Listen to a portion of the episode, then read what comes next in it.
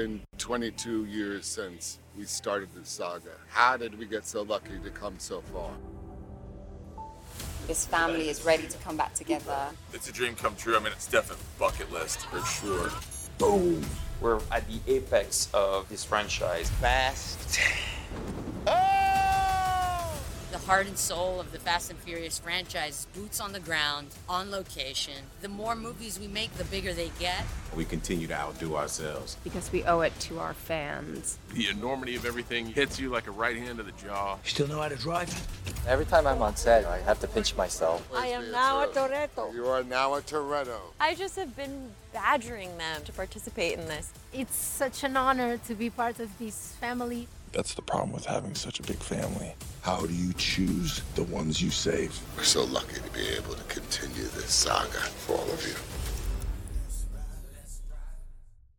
Ćao svima i dobro nam došli u najnovi izdanje Lab 76. Negde u duhu onoga svega što smo i pričali prošle nedelje, to jest što smo očutali prošle nedelje, ne zamerite što ove nedelje generalno počinjemo malo drugačije, što počinjemo zapravo uz malu blagu umerenost. Obožavamo ovo što radimo, obožavamo brzinu, obožavamo Moto Grand Prix, obožavamo Formulu 1, ali dajte nam još jedno sedam dana malo da se oporavimo svi zajedno od svega što se događa. Mi vam šaljamo puno ljubavi pre svega, želimo vam da budete dobro, da uživate u trkačkim vikendima koji su pred nama, da se naravno mazite i pazite i da budete dobri jedni prema drugima i da opraštate jedni drugima, da komunicirate, da generalno budemo malo da kažem, opušteniji jedni prema drugima.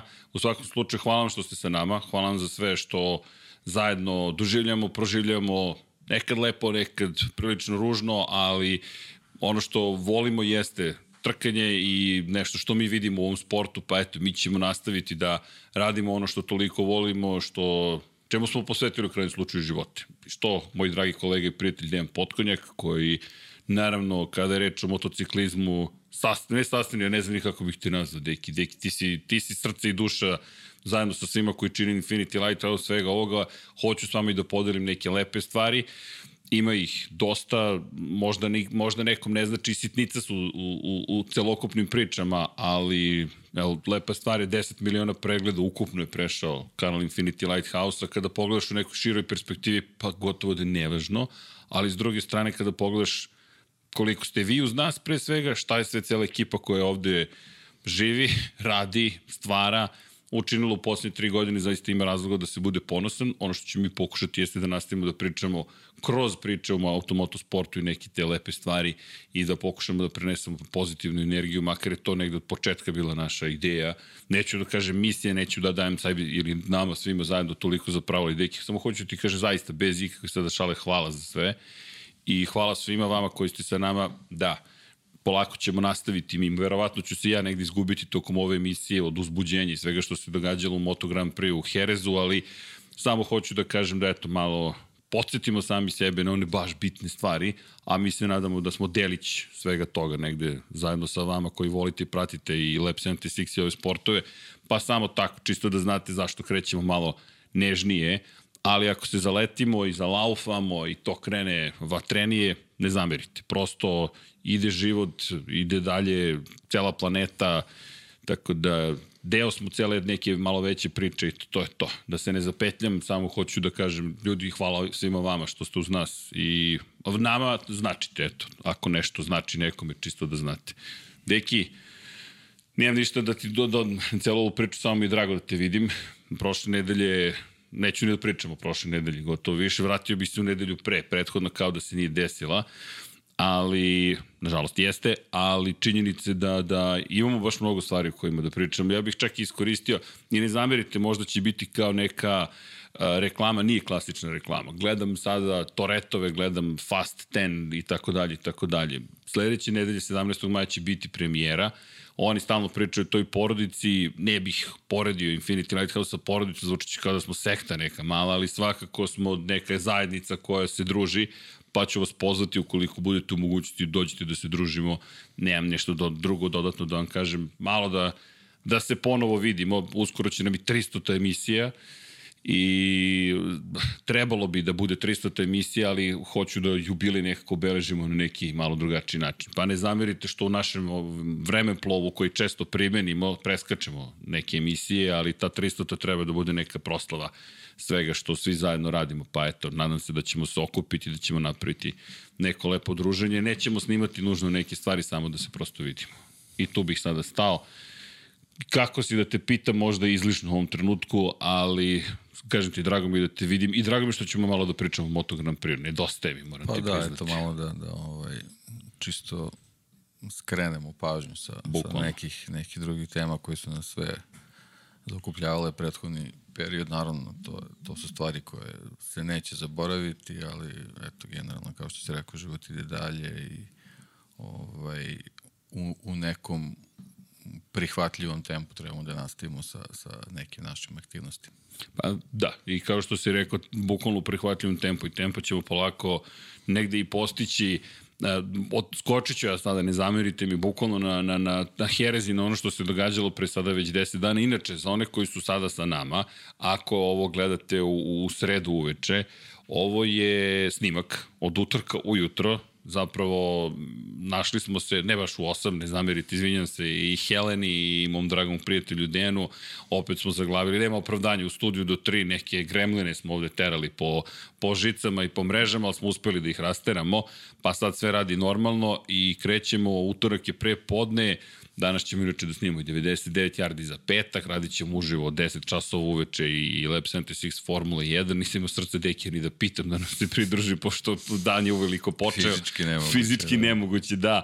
Ali, ali činjenica je da, da, da, da ovo jeste snimak. Možda će zvučati kao live ukoliko smo uspeli da osposobimo internet u Limanu, pošto u ovom trenutku nadam se da sam u Limanu, zajedno sa celom ekipom i da, da zapravo smo negde sa Miodragom Kotorom jer je plan da se vidimo sa Mijom koliko sutra tokom dana, pa možda na sve ovo dođe neki kadar iz Lemana, ali nemojte me držati za reč, premijera je u, u uslovno rečeno najgorem slučaju, tako da družite se u četu, budite dobri jedni prema drugima, imajte razumevanja, čak i kada se posađajte, nemojte to shvatati lično, to su samo navijačke strasti, ne brinite, ne navijamo ni za koga, ako zvuči kao da navijamo, čitajte Kulešov sindrom, takozvani sovjetski čuveni režiser, to je ne znam kako bi umetnik ko, koji je pokazao da kadrovi i njihov sled znaju te kako da utiču na to kako doživljamo stvari. I u tom duhu bih skočio zaista na Jerez.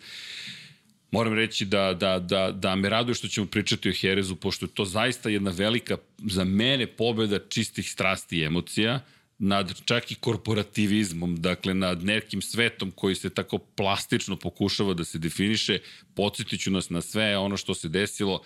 Imali smo spektakularne dve trke, krenut ću od glavne trke i po mom mišljenju, ne znam da li se slažeš sa mnom, zato smo i ovde, najboljoj trci u karijeri i najvećoj pobedi Francesca Banjaje.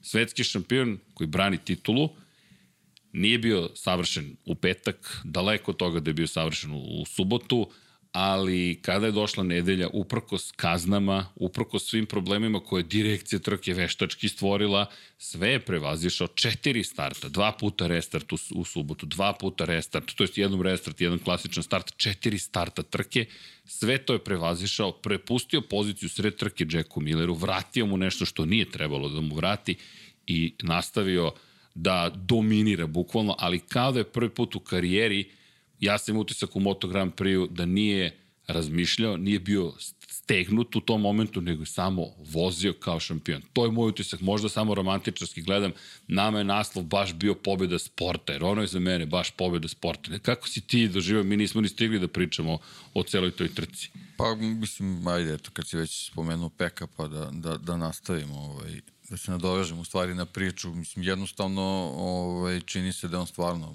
potpuno rasterećen, ovaj, u stvari mnogo više rasterećen nego što je bio u, u, u prethodnim sezonama, tako da ova trka je tako, tako i izgledala i, i definitivno taj Jerez donosi neku posebnu motivaciju kod vozača, da li je zbog celog tog okruženja, konfiguracije staze, te, te, te, te ovaj, zgusnute energije na, na malom prostoru, ovaj, tako da verovatno i oni prolaze, pronalaze neke posebne inspiracije tamo, ali generalno kad imaš rivale kak, kako su tog vikenda bili momci iz, iz KTM-a, ne treba ti puno neke, neke inspiracije, ovaj, on jednostavno ove godine mora iz trke u trku da pokazuje da je, da je ovaj, zaslužio da ga, da ga zovu velikim šampionom, ima taj motocikl to, koji mu to omogućava i kad, kad, se, kad se složi ta, ta ovaj, te kockice kad se slože da, da, da, da, da iskoristim taj ovaj, uobičajeni termin ovaj, jednostavno dobijemo, dobijemo peka u, u, izuzetnom izdanju koje pokazuje da, da i dalje bez obzira šta god se dešavalo u sezoni, jedino ime koje, koje slovi da, da, da će ponovo osvojiti titule Peko Banjaje. Ba, bukvalno tako izgleda, ali znaš šta mi je prvi put posle duže vremena drago? Nije mi ni bitno ko će osvojiti titulu u kontekstu toga da li ćemo imati bitke do kraja sezone ili ne. Generalno nam je bitno samo da bude dobro trkanje i čak i Peko na pola godine da osvoji titulu. Ja mislim da ćemo imati jednu divnu sezonu. Iskreno uvek nekako to povezujemo. Ja, da li je dobra sezona, da li je odlučena u julu, avgustu, septembru, oktobru ili čekamo Valenciju da se odluči meni je nekako sad postalo nevažno, jer, sam shva, jer me Moto Grand Prix, moram ti predstaviti, malo vratio unazad kroz vreme. Možda ne baš u detinjstvo, ali stalno porediš i ti to je adekvatno poređujemo sa Formula 1 90-ih. Nekako možda je samo moja, moje neke uspomene na, na, na 90. kad sam zaista bio mlad, pa mi je lepo, ali taj osjećaj, pazi, ja sam samo istakao Banjaju, Dani Pedrosa nam se vratio na stazu. Samurajski mač koji si mi ti poklonio za rođendan, hvala ti na tome. Imam predivan poklon koji stoji stalno u studiju. U poslednje vreme poklone koje dobijam nema više nisu mi kod kući. Dakle, preselio sam se ovde, ali moram ti priznati, možda ti ne znaš, ali meni je to jedan od najdražih poklona koje sam dobio. Drago. Ali zaista i mnogo ti hvala na tome. Japan, cela priča o Japanu, pa onda Dani koji se pojavljaju na austrijskom motociklu, na KTM-u i stavili smo i njihov slogan Ready to Race Ako je neko ready to race, to je Samura, ja sam se sad naježio Dani Pedrosa, došao je sa svojih 37 leta, već ima sedi, e, mogu ti reći, bolji smo po pitanju sedih, moram, ali, malo mu je stresniji posao, rekao bih da mu je poziv malo stresniji, ali došao je Dani, za one koji ne znaju, Dani Pedrosa je svoj titul u 125 kubika pa u 250, pa odbranio u 250 i to u tri godine za redom. Dakle, 2003. 4. i 5. u nižim kategorijama nije postojao bolji vozač od Danije Pedrose. A čisto da znate protiv koga je osvojio te titule tamo neki Casey Stoner, dvostruki šampion sveta, jedan velikana ovoga sporta, tamo neki Jorge Lorenzo, petostruki šampion sveta, tamo neki Andrea Dovizioso, koji je takođe osvojio titulu u 125 kubika, zapravo godinu posle Danije Pedrose. To su ljudi s kojima je stasavao, u tom periodu je Valentino Rossi stanoviti doktor osvajao titulu u kraljevskoj klasi i svi su jurili ka njemu. Taj Dani Pedrose 31 put pobedio, ne umanjujem vrednost pobjeda koje se trenutno dešavaju protiv Stonera, Rosija, Lorenza, pa čak i Markeza, i to su ti vanzemaljci kojima često pričamo, uključit ću u njih i Nike Hejdena. Ne kao vanzemaljca, ali kao svetskog šampiona koji zaslužuje da bude spomenut. E, protiv svih njih, Dani je vozio, otišao u penziju na kraju 2018. godine. 2019. njega Lorenzo zamenio u Hondi, I kada pričamo o, o, o Daniju Pedrosi, Dani Pedrosa se pojavio u Herezu kao da je trkač koji je prijavljen za takmičenje bio prvi u prvom treningu, treći u drugom treningu, šesti u kvalifikacijama, deki, ono, no, ono ne rade ljudi koji imaju 37 godina i ne voza aktivno 4 godine, međutim on je došao bukvalno ready to race, a to je jedna priča, samo ću dodati, parking pun motocikala, ona energija, sve ono što smo videli u Herezu, plus KTM-ovi koji pobeđuju u sprintu, Brad Binder i Jack Miller koji je pobedu u, veliku, u glavnoj trci, naravno ne izostavljam ni ostalo učesnike u celoj toj priči, da li su imali više uspeha ili manje uspeha, Ver 46 Akademija, dolazi Valentino Rossi na stazu, ne znam šta nismo imali na Herezu, ali vratit ću nas malo na Danije Pedrosu, meni je Dani izgledao kao opet jedan veliki gospodin i da li imaš utisak da se Dani on je to i rekao kasnije, sklonio iz nekih duela i rekao, ja nemam šta da tražim protiv ovih momaka u ovoj priči, bit ću tamo pozadi na kraju ove vodeće grupe, ali on je 8,5 sekundi ispred Aleksa Markeza na Ducatiju završio svoju trku. Meni je to jedna od tih romantičnih priča, baš me vratio nekako da, u detinjstvo. Pa ne, iskreno, ja sam jedno čekao da, da, da, da krene čita trka upravo zbog njega, da vidimo ovaj, šta može da, da ovaj, donese ovaj, uh, i najvažnija stvar uh, je, je bila ta da vidimo koliko u stvari on može da izdrži u tom trkačkom tempu, međutim ovaj, vrlo brzo je postalo jasno da je on u, ozbiljnoj formi, pre svega zbog, zbog svoje uloge test vozača i da u, u principu bez problema može, može da ovaj, nosi taj, taj trkački tempo i, i kroz to su stvari videlo da da je jedan od, od ključeva uspeha, možda neočekivanog uspeha kojeg trenutno imaju ovaj, u KTM-u, upravo to što, što je Dani, Dani Pedrosa i, i na testovima generalno u, u, u trkačkom, trkačkom ritmu, pre svega da bi na pravi način mogao da, da, da razume sve, sve,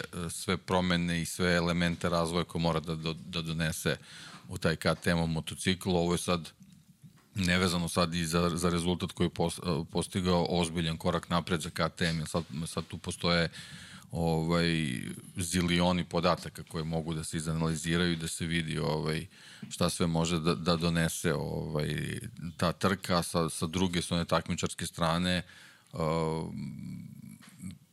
taj, taj uh, uh, ogroman napredak koji KTM napravi ove godine samo može da, da, da doprinese toj, toj zanimljivosti samog šampionata i, i, kao što si rekao, mene, i mene su ove trke na, na Herezu, pre svega ova glavna trka zaista postatila neka zlatna vremena ovaj, da kažemo Moto Grand Prix i svetskog šampionata u, u, ovaj, u motociklizmu iz, iz ranijih sezona gde smo stvarno imali uh, ovaj, prilično neizvesne trke, jednu, jednu fair borbu i borbu koja je dovodila do te, te ovaj, kulminacije i na, i na tribinama gde ljudi generalno o, u jednom trenutku vjerojatno i sami osete da, da nemaju favorita, nego žele da, da, da, da pobede trke bez obzira ko će proći prvi ciljem. Tako da ova trka je nešto onako najlepše što je mogo da Moto Grand Prix e, iznedri još uz, uz to izdanje Peka Banjaje, to, te, te njegove povratke tokom same trke, mislim da smo imali stvarno ovaj,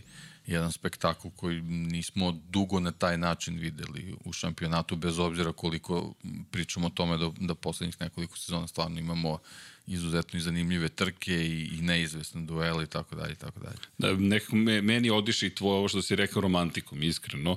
I kada pogledaš celu priču koju smo imali, stalno se vraćam na to, koji mi je glavni utisak, utisak mi da smo imali jedan pravi trkački vikend i uživali u, u sportu. Inače, samo da se zahvalimo ovde i našem dragom prijatelju Smiljanu Banjcu, koji je uskočio i Heleni, koja je uskočio, jel vidiš, ne zovemo te Ilovača, dakle, el, ups, ali činjenice da su uskočili da pomognu, nismo koleginici iz prodaje hteli baš, sta, ono je do, od, od 8 do, do ponoći, otprilike, tako da hvala za pomoć, hvala ljudi za pomoć, što, što ste omogućili deki meni da uradimo ovo, a da ne utičemo previše na obne neob, izvinjamo se što ćemo skoštati pola sata života danas, to jest, ne živimo, spavali ste duže ili kraće, ne znam sad kako to ide, ali romantika zaista, I malo, malo je teško kada pogledaš takvu trku, pa sve ono što smo pričali, kažem, meni je ovo nekako i drago mi je što, ćemo prič, što pričamo o ovome, ne zamerite što možda sam malo, manje euforije, ali ako je postojao moment za euforiju, to je bila ta trka. Ja se ne sjećam kada sam zaista bio u, u tom filmu da razmišljam, nije bitno šta dolazi za dve nedelje u Le Manu, nije bitno šta je bilo pre ovoga, samo je bitan ovaj trenutak. Meni je to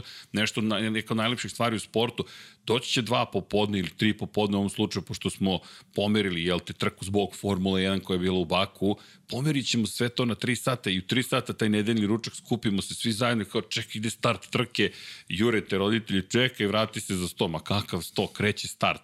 Ok, ponavljali smo ga, ali čak i to što smo ponavljali startovi, što smo imali incidente, pričat ćemo o njima, nije nekako poništilo taj osjećaj čiste sportske euforije i onaj paradni krug Peka Banjaje Meni je to jedna od trenutno najlepša scena iz 2023. I što ti kažeš kako da se ne pozdraviš sa svim onim ljudima koji su došli na motociklima, pogledaš parking, to su samo motocikli, otprilike, naravno imaju automobila, pozdrav svima koji god voze i motocikli i automobile i koriste javni prevoz, šta god, ali ono videti baš je pravi Moto Grand Prix, pogotovo kada se vratimo u 2022. ovde je bilo poluprazno. Apropo toga, šta nedostaje Moto Grand Prix-u, suštinski ništa, osim da se malo potrude da kažu, i to je ono što je Dan Romondo rekao, novi čovek za jel te, komercijalizaciju sporta, mi samo treba ljudima da kažemo da ovi vozači postoje. I slažem se sa njim, nisu prirodnog dara koji imao Valentino Rossi da što budu harizmatični, tako što sami sebe da promovišu, ali mislim da je ovo najsavršenija promocija. Samo nam dajte ovakve trke. Ne, odlične promocije i dobro, tu ima onako nekih onih praktičnih razloga. Pričali smo o tom nekom kalendaru gde se mnogo trka dešava u, u istom regionu, jednostavno situacija je takva da, da ljudi ne mogu ovaj, fizički i uživo da isprate sve, ali ovo je što se tiče Hereza najbolja pozivnica za sledeću godinu. Ako neko bude birao gde treba gde da, da dođe, da. Pokušajte da, da, da se nađete u Herezu čisto da, da osetite tu atmosferu tamo. Da, razmišljam sada i o drugim trkama. Le Mans, inače u Le Mansu nas čeka kiša prema prvim najavama, ali kada u Le Mansu? Baš čudno. da, baš čudno. Kada te u Le Mansu ne čeka zapravo kiša, uvijek je kiša u Le Mansu, ako ne tokom sva tri dana ili četiri, ako računamo i četvrtak, onda za garantovano jedan dan. Biće kiša, jedan dan će biti sunčano kao da je tropska vrelina, drugog dana će biti neka jesen, otprilike očekujem i žuto lišće i četvrtog dana dolazi proleće. Sve pokrijete, deki se smeška, zna vrlo ne, dobro. Ne, pa iskusio sam na svoje kože kako izgleda. I znači, kako? bukvalno, pa ne bukvalno, ti je dan ono, šorc, majica i onda odjednom hvatiš da, da bi trebao neku perijalnu jaknu da, da obučeš. A, meni je... A ja sam imao onako stvarno divno iskustvo, pošto sam bio na, na ovaj, automobilskoj trci, e, spavanje u tim kontejnerima i stvarno onako super je osjećaj i, i baš ovaj, odlična prilika da se oseti ta čudljivost što se tiče vremena. A, imaš neku preporuku za mene? Ovo je moj prvi Le Mans. Dakle, i baš se osjećam uzbuđeno jer idem na mesto istorije. Ove godine će biti stoto izdanje 24 časa Le Mans automobilske trke, ali samo evo, digresije, zar ste mislili da će biti bez digresije? Samo da. imaš preporuku? Pa ne, generalno čita taj, to iskustvo odlaska na Le Mans je sjajno. Mislim, ja sam ono, imao mogućnost da iskombinujem, sletiš u Pariz, spustiš ni stepenice TŽV do Le Mana i onda ti se otvaraju vrata voza u centru grada.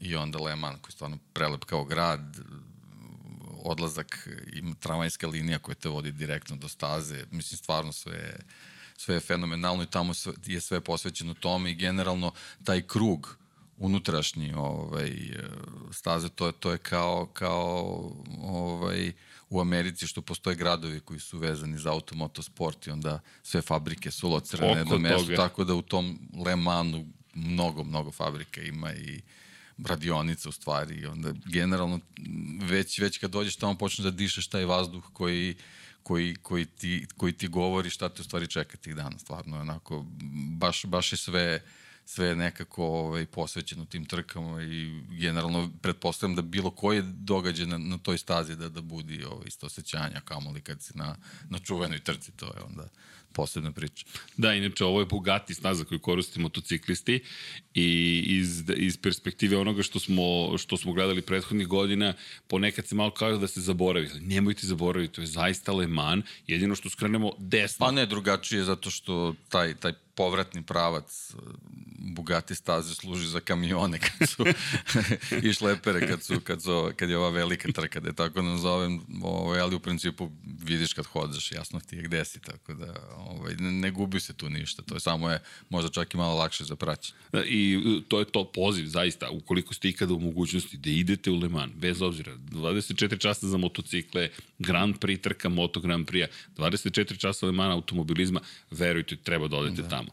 A, a pride u celoj priči kada dodaš na sve to ovako uzburljivu trku i kažem, obično analiziramo stanje u šampionatu, kakva je situacija, ko se gde nalazi ali meni zaista bilo ne, nevažno kakav šampionat. Ljudi mi smo imali mi smo dobili najlepše od svega i sada idemo u dom Fabija Kvartarara ne bih da najavljujem Francusku samo još malo da ostanemo u, u, Jerezu ali nekako se na, najava nameće. Jednostavno Fabio Kvartararo je čovek koji je ozbiljnim problemima u ovom trenutku a idemo na stazu koja u nekoj teoriji bi možda mogla da mu pomogne. Još uz kišu je ta, ta kiša je malo tu problematična, ko zna šta će nas čekati, ali čisto da, ajde da, da izmiksamo sve, ako se, ne znam da se slažeš, nekako imamo osjećaj da, da to pa treba da, da uradimo. Pošto već, ajde, Jerez je bio spektakularan, ali već ali, je prošlo tako, neko prošlo vreme. Je, da, ali ima da. još jedna stvar, veterani nam se vraćaju.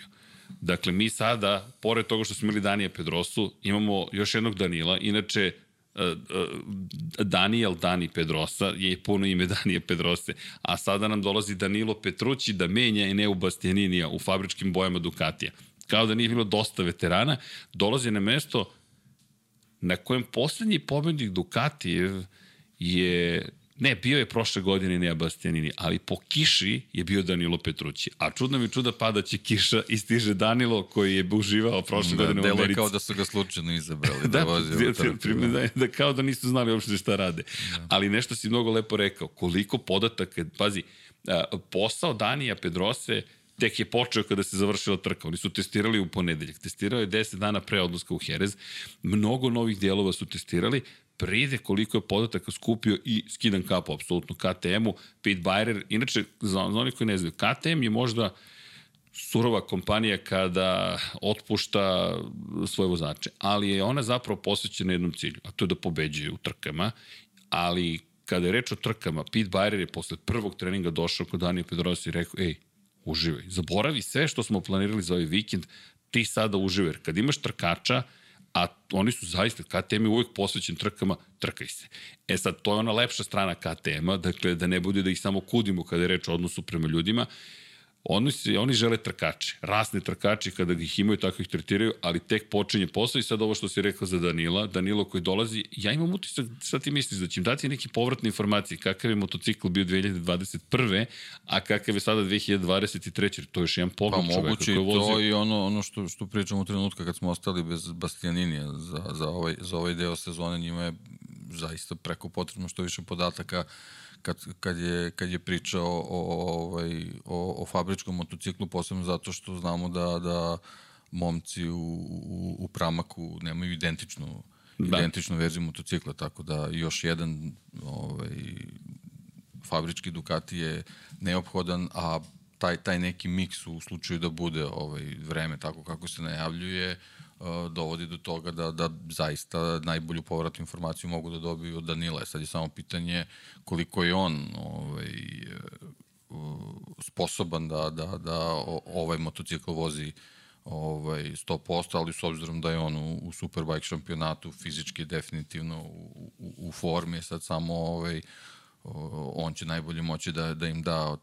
tu procenu da li je, da li je ovaj motocikl ovaj, upravljiv i, i, i u, u takvom voznom stanju da bilo ko ko sede na njega može, može da izvuče maksimum. Da, to, to će biti zaista velika stvar, njegov dolazak. Ako ne, E, za Ducati, ukoliko se taj eksperiment pokuša da ispostavi dovoljno uspešnim, pa mi ćemo makar da uživamo u Danilu Petrući. Ono što smo konstatovali pred početak snimanja, tražimo po studiju, ili imamo nešto Danilovo? Nemamo, to ćemo ispraviti. Ako je Ducati sačuvao neko reklamni materijal, to ćemo sada da kupujemo u Lemanu. Ne možemo bez, bez, broja 9 nekako ovdje da, da, da, da budemo. Danilo zaslužuje to. Petrox popularni, ali morate priznati i meni u glavi kao meni da smo imali nešto. Meni nešto deluje mi da Nema pojma, probat ćemo da nađemo. Da Nekako nam je ostalo, ali obojica, ili ima nešto Petroksovo, a, a Helena koja gleda, ok, ok, momci, mislimo da bi trebalo da krenemo, ali čekaj, imamo važnijih stvari da nađemo makar kačke Danilu. Ali, ali da, primećeš majicu inače?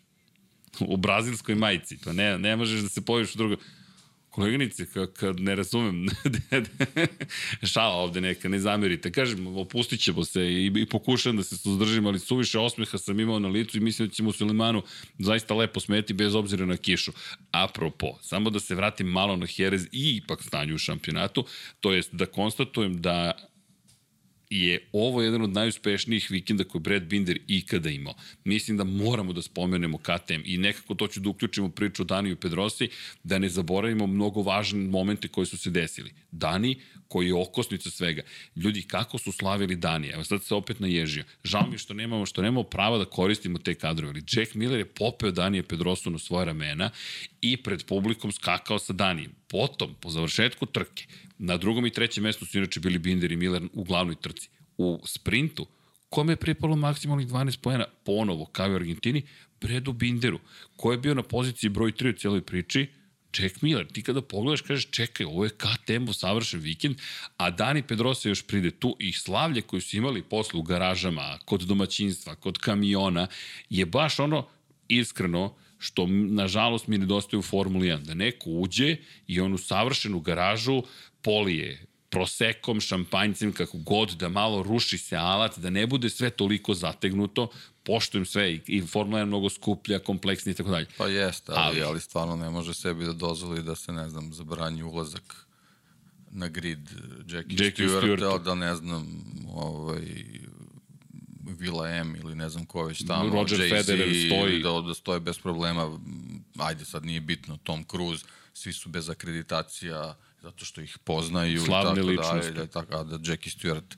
najstariji živi svetski šampion u Formuli 1, ovaj, ima neprijatnu situaciju sa obezbeđenjem. To je onako verovatno za, za te neke globalne ljubitelje Formule 1 nije toliko bitno, ali za, za, za to neko tvrdo jezgor ipak ja to lično smatram uvredom. Pa, Tako uvreda da, je za sport. e, da. Ali to je upravo to. Ja hoću da vidim kogod da je bio prvi, drugi, treći, da uleti u svoju garažu i da se raduje tom trenutku. Kao KT emocije što su se radovali u ovom trenutku. Hoću takođe, ako dođe Jorge Lorenzo kao što je došao, on je vodio program Pa čovek. nije kao što imaš i Tardocije kojeg stalno spominjem. David to su ljudi koji, koji ne rade to zbog kamere, zato što je to, nego je to jednostavno tako. Da, bukvalno to je u njima. Da. Pa ne, ali Tardoci je zapravo možda najilustrativniji primjer čoveka koji zaista svoje emocije nosi, što kažu na rukavu. Evo, to je moje srce, pa kad padne na kolena kada Banja izleti u Americi, pa kada vrešti od sreće kada Banjaja pobedi u Herezu, to ne možete da platite, ne možete da kupite te stvari.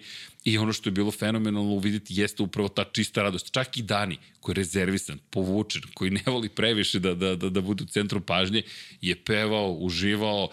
Kad te ponese, ajde, reći ću i biblioteka, da ne kažem kafana, kad te ponese, znate, ja ne volim ovu muziku, a me ponelo, a opio sam se čime? Pa atmosferom opila me atmosfera i zato mi je Jerez toliko divan bio u celoj priči, da, toliko poteza, preticanje u njegovoj krivini, u krivini Dani Pedrosa, evo opet sam zanežio, što kaže Jack Miller, pa šta mislite o njegovom uspehu petak? Ljudi, on ima svoju krivinu ovde, ne znam šta želite više, ovaj čovjek je li, živa legenda i onda sve to upotpuniš time što su se rame uz rame sa Banjajem, Binder i Jack Miller borili za pobedu i kada pogledaš stanje u šampionatu sveta, Brad Binder je na poziciji broj 3, samo 25 pojene iza Francesca Banjaje. Uz činjenicu da Banjaje ima uspone i ozbiljne padove bukvalnom smislu i u prenesenom značenju, da je Jack Miller na četvrtom mestu na KTM-u, da smo videli očigledno u rukama Dani i Pedrosa koliko je taj KTM dobar. Me, za mene najprijatnije iznenađenje, moram ti reći sad posle četiri trke, da je KTM Pa upravo to tu. je taj, taj neki srećni splet okolnosti koji, koji je doveo do toga da, da, da smo sigurni da rezultati Breda Bindera nisu slučajni i da smo sigurni u to da je, da je ovaj, Jacku Milleru apsolutno prijala promena ovaj, i, i ovaj, skidanje tog pritiska sa ramena koji je imao u, u Ducatiju, da, da, da jednostavno u KTM-u je dobio potpunu slobodu da, da uživa pre svega u trkama, da ne razmišlja o nekim nekim mnogo ozbiljnim stvarima koji su ga ovaj, opterećivale vezano za, za te neke obaveze koje ima u fabričkom timu ovaj, italijanske ekipe, tako da imamo ih u najboljem svetlu, onda se sve to o, super poklopilo, ta, ta, ta, to, to pre svega tehničko izdanje motocikla s ovim testovima koji su došli posle toga i sad samo možemo da pretpostavljamo zašto su stvari spremali motocikl dan posle tog velikog uspeha i šta nas sve čeka dalje ovaj, u Le Manu. Tu su se pojavile pojavljivale su se neke fotografije, ovaj, je to isto moment koji ni slučajno nije zanemariv u ovoj priči o KTM-u, to je njihova saradnja sa Red Bull Racingom koji su najavljivali Jeste. još na početku sezone. Vidim da se tu pojavljuje sad i neka priča da su, da su njihova zakrilca koje se nalaze na, na bokovima oplate tu pre svega da bi ovaj, popravile efekat tla što je neki potpuno novi moment u, u, u Moto Grand Prix, tako da ko zna šta nas sve čeka ovaj, vezano za KTM u, u, u budućnosti. Ono što je najzanimljivije, mi imamo sad u ovom trenutku, bez dileme možemo da kažemo, tri marke koje su ozbiljno krenule u napredak u, u Moto Grand Prix-u, ali, ali je najzanimljivije što su sve tri krenule potpuno različitim putevima. Tako da samo trebamo da vidimo koji je recept Uspeha. najbolji, da, koji je recept uspeha, ali ono što je što je najbolje vezano za, za, za tu čitavu priču je što postoji mogućnost da sva tri puta mogu da budu uspešni.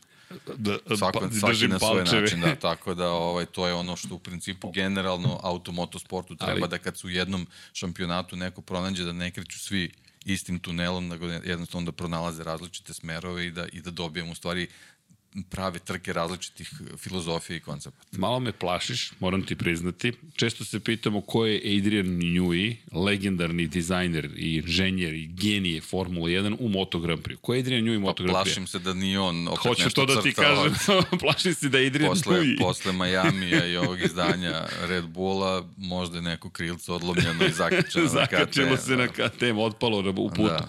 Ali bukvalno sam Ali pomislio... mislim da bez obzira na to, ne, ne bi možda to moglo se usmeri na taj način da, da, da nema ovaj, genijalnog test vozača kakav je Dani Pedrosa. Naravno, ali mi je sad prošlo kroz glavu da nije Adrian Newey Moto Grand Prix-a zapravo, dakle, samo da budemo precizni, da nije Adrian Newey Moto Grand Prix-a, Adrian Newey. da. Znaš, da razmišljam, čekaj, čoveče, ako si u to umešao, da li ćemo imati na kraju da, jedan? Pa, to je, to je sad, eto, taj još jedan nedostatak Moto Grand Prix-a, mi nemamo dovoljno informacija ko je ko zapravo se učestvuje radi, ne je? zato što je nešto sakrivaju, nego jednostavno izgleda ne da ne tim. umeju da, da, da plasiraju to i ne shvataju koliko je to bitno. Ali to je i to je ona super druga strana Davida Trdocije. Ljudi šta hoćete više od mene, ja sam to što jesam, pa sad neću valjda da pričam o tome, jer o tome nema potrebe, niti želim da pričam, niti osjećam potrebu da pričam. Znam Davide, Dobro, to je filozofija mot motociklista i ne bih ja to menjao. Ne bih ja menjao. Jednostavno i prirodno krenu u neke svoje različite. To je naš posao da mi, zato mnogo volim Meta Uxley. Meta Uxley koji je nevidljiv nad vikendima. Tokom vikenda je gotovo nevidljiv čovek, ali on je tamo gde treba da bude. Dakle, na pravom piću, u pravom trenutku, na pravoj kafani, za pravim stolom i onda dođe sa nekim briljantnim pa, dobro, momentima. kad se na licu mesta nije to teško. To Dosta jednostavnije. Jednom se, ali to je, mnogo, to je lepota kada si na licu mesta. Jednom se nađeš sa prosekom u rukama za nekim šankom i ljudi pričaju o svemu i stvarčemu i ti se razmišljaš, či ovo smem da slušam uopšte, toliko opušteno pričaju. Znaš, deki, kad, kad imamo tu priliku da zaista budemo novinari, potporu druga priča. Jednom za u roku od par nedelja sve, sve, sve, sve odjednom se, e, šta sam čuo? Čuo sam ovo, stvarno, to si čuo. A ja sam čuo ovo i onda kao radio mi leve da, jednom drugom. Da, nisu to obavezno neke informacije koje su ono breaking news, ne. nego jednostavno to su informacije koje vremenom skupljaš, onda praviš neku sliku Tako je. o tome. To Tako je. je. Zbog toga je dobro biti tamo. Tako, pa neophodno, bukvalno. A ovo, tako da sam, i, a to moram ti reći da sam posebno srećan. Prva trka za mene ove godine uživo, pa malo da vidimo neku staru ekipu i prvi put u Lemanu. Ali to je neka da. druga, manje da, bitna priča. Da, i to priča. je vezano za, za, za tu super pozitivnu priču ko KTM imamo tu neku suprotnost i paralelu recimo konkretno vezano za Hondu gde smo imali jedno briljantno izdanje Aleksa Rinsa u, u ovaj, u Teksasu i pitali smo se da li je to Rins ili Honda i nažalost već u Herezu smo dobili odgovor. Dobili smo o čemu odgovor. se radi, što na trci, što posle na testovima gde uh, mislim, malo mi se ne sviđa što oni toliko iskreno, recimo u nekim intervjuima pričaju, iako se svi nadamo da u stvari kriju neke stvari, svi vozači Honda koji su, koji su bili na, na testiranju ponedeljak su potpuno nezadovoljni onim što su radili, zato što apsolutno misle da, da nisu ništa uradili, da su doneli nekih 5-6 delova kombinacija, probali Kalexovu šasiju i na kraju kad su se vratili, kad su seli na stari motocikl, u stvari shvatili da nikakve spektakularne promene sa svim onim krugovima koji silnim koji su vozili nisu stvari dobili. To je, to je u stvari veliki problem očigledno u ovom trenutku i dalje se nastavlja sa Hondom i Yamahom, iako mi mislimo da ćemo sa svakim tim nekim testom konačno nešto dobiti, ipak očigledno ne može preko noći ništa se promeni da, da moraju baš, baš mnogo da rade da bi da bi ovaj, bili konstantno dobri, a ne da imaju tak, tak, takav bljesak, recimo kao što je Rins imao u, u Teksasu, koji je generalno ovako dugačkoj sezoni i ne mora ništa posebno da znači, a najgore od svega što se tako, recimo, briljantan rezultat kao što je njegov trk u Teksasu već sa sledećom trkom koja je došla u Herezu i, i tom ovaj, spektakularnom borbom za, za, za pobedu trojice vozača praktično i zaboravi preko noći. E, kada pričaš o tome, samo da napomenemo, tri fabrike o kojima mi pričamo su Ducati, Aprilia i KTM. Sve tri su evropske. Honda i Yamaha su bukvalno u nekom svom svetu. Dakle, kao da su potpuno odvojeni od onoga što se događa u To ti je kao, ajde, ako, ako pravimo one paralele sa 90. formulama u Formuli 1, ajde, u stvari 80 krenulo je turbo, a neki su tvrdogalo teli da ostanu na atmosferskim motorima. Eto, to, I dok ih to. neko nije, ne nije uvedio, nego dok ih stvarno nije opalila i rekli tu čekaj, pi, moramo ovdje. Znači sad sam onako baš banalizovao, ali recimo to je to. Da, nisi daleko. Znači neko ima svoju filozofiju ili nema dovoljno sredstava, što u ovom slučaju ne može da bude ovaj, Teško. slučaj kad pričamo o Yamahi i, i, i Hondi, nego jednostavno ovaj, sledi se neka filozofija koja u jednom trenutku te onako ošamari i, i dođeš u tu realnost i shvatiš koliko, koliko kasniš. Je sad, to je sad za, za, za, za dalju diskusiju da li, da li je ovo dobar smer razvoja Moto Grand Prix-a ili, ili ne, ali jednostavno ovo je taj moment, taj trenutak na koji oni apsolutno nemaju odgovor i neki super talentovani vozači u stvari u ovom trenutku najviše trpe kada pričamo o, o, o, o ima, ima mnogo lepih stvari koje su utvorio. Ajmo ovako, Ducati KTM Aprilia. Idu, svako ima svoju filozofiju. Inače, ironija je da Red Bull sarađuje sa Hondom u Formuli 1, ali ovde Red Bull sarađuje sa KTM, ima, ima svoju ekipu, ima svoj austrijski tim. Red Bull je austrijska kompanija i Red Bull Racing je zvanična austrijska ekipa, bez obzira što se sedište nalazi u Milton Keynsu, čuvenom u, u Engleskoj. Dobro, ali još malo sarađuje sa Hondom. Da, još malo, uskoro će sa Fordom, tako je. Da, ali činjenice da, da nema Honda kome da se obrati, mi ne mislim ni da bi se obratila bilo kome, ali mi je to samo simpatično, na primjer, kada se dešavaju dani Honda, pa dođu Max Verstappen i Sergio Perez kao zvanični vozači tima Formula 1 i onda gledaju u, u bojama Red Bull Racinga koji liči mnogo na KTM i kao okej, okay. ali nešto drugo hoću da kažem, rezultati velike nagrade Španije, Ducati, Francesco Banjaja, Binder Miller, KTM, KTM, Jorge Martin, Ducati, Aleš Espargaro, Aprilia, Luka Marini, Ducati, Dani Pedrosa, sedma pozicija, KTM, Alex Marquez, Ducati, najbolje plasirani van ove tri, ova tri proizvođača vozač je bio Takaki na Kagami, na Hondi na poziciji 9, ali hajde što je deveta pozicija, nego što on 15,6 sekundi iza pobednika. Da, ali to je sad uh, anomalija s kojom možda možemo i sa sigurnošću da tvrdimo da je zaista tako, kao što je Alex Rins dobar u Teksasu, tako je Taka na Kagami dobar u Jerezu. I to su već neke sezone unazad pokazale, tako da taj rezultat očigledno nije produkt tog motocikla nego samog vozača. Ali to, to je isto fascinantno. Šta se dešava da samo na nekim stazama samo neke stvari funkcionišu za tim koji je tako dobro izgledao pre samo nekoliko godina. Pored svega, ponovo nije bilo Marka Markeza, nastavio da se oporavlja. Ja iskreno ne znam što očekujemo u Lemanu. Hoće ga biti, neće ga biti. I ako se pojavi, u kom stanju će se da, pojaviti. Da, nažalost, malo, malo ranije radimo da, ovaj, ovaj da, podcast, da, ne pa nećemo, nećemo dobiti tu informaciju, ali jednostavno zakazan je lekarski pregled i on njegov, njegovi nastupi dalji, što mislim da uopšte nije loše, pre svega zavisi od odluke lekara. Tako da ovaj, iz te perspektive nema žurbe, a opet sa druge strane ovaj, znamo opet njegovu prirodu i ovaj, želju za, za, za, za takmičenjem, tako da ovaj, ako se pojavi u Le Manu, naravno da, da njega uvek moramo da, da računamo negde, negde u vrhu, samo se nadam eto da, da kad dođe na stazu da će, da će ovaj, konačno dobiti on jednu čistu trku da, da, da, da ne ugrožava ni sebe ni druge na stazi. Da, inače koristim priliku kada si spomenuo malo pre Danije Pedrosu, pa i pre, a i posle zapravo trke. Dakle, da podsjetimo da su u Herezu 10 dana, dve nedelje, malo manje dve nedelje, pre same trke testirali vozači. Nije testirao Dani Pedrosa sam Dakle, Štefan Bradl kao probni vozač Honda je takođe testirao. Bili su tu Michele Piro i Ducatijevi predstavnici takođe. Svi su se spremali za Jerez, pošto je dosta komentara, ne komentara, nego bila konstatacija, pa Dani brz zato što ovde testirao. Ok, šta je sa Štefanom Bradlom? Stefan Bradl ne poredim ih, nemoguće je porediti ih, ali opet, samo da razumemo da, da je i Honda imala podatke pre nego što je stigla u Jerez, da je Ducati imao podatke pre nego što je stigla u Jerez, da smo imali zaista situaciju u kojoj veliki broj vozača zapravo imao mogućnost da testira.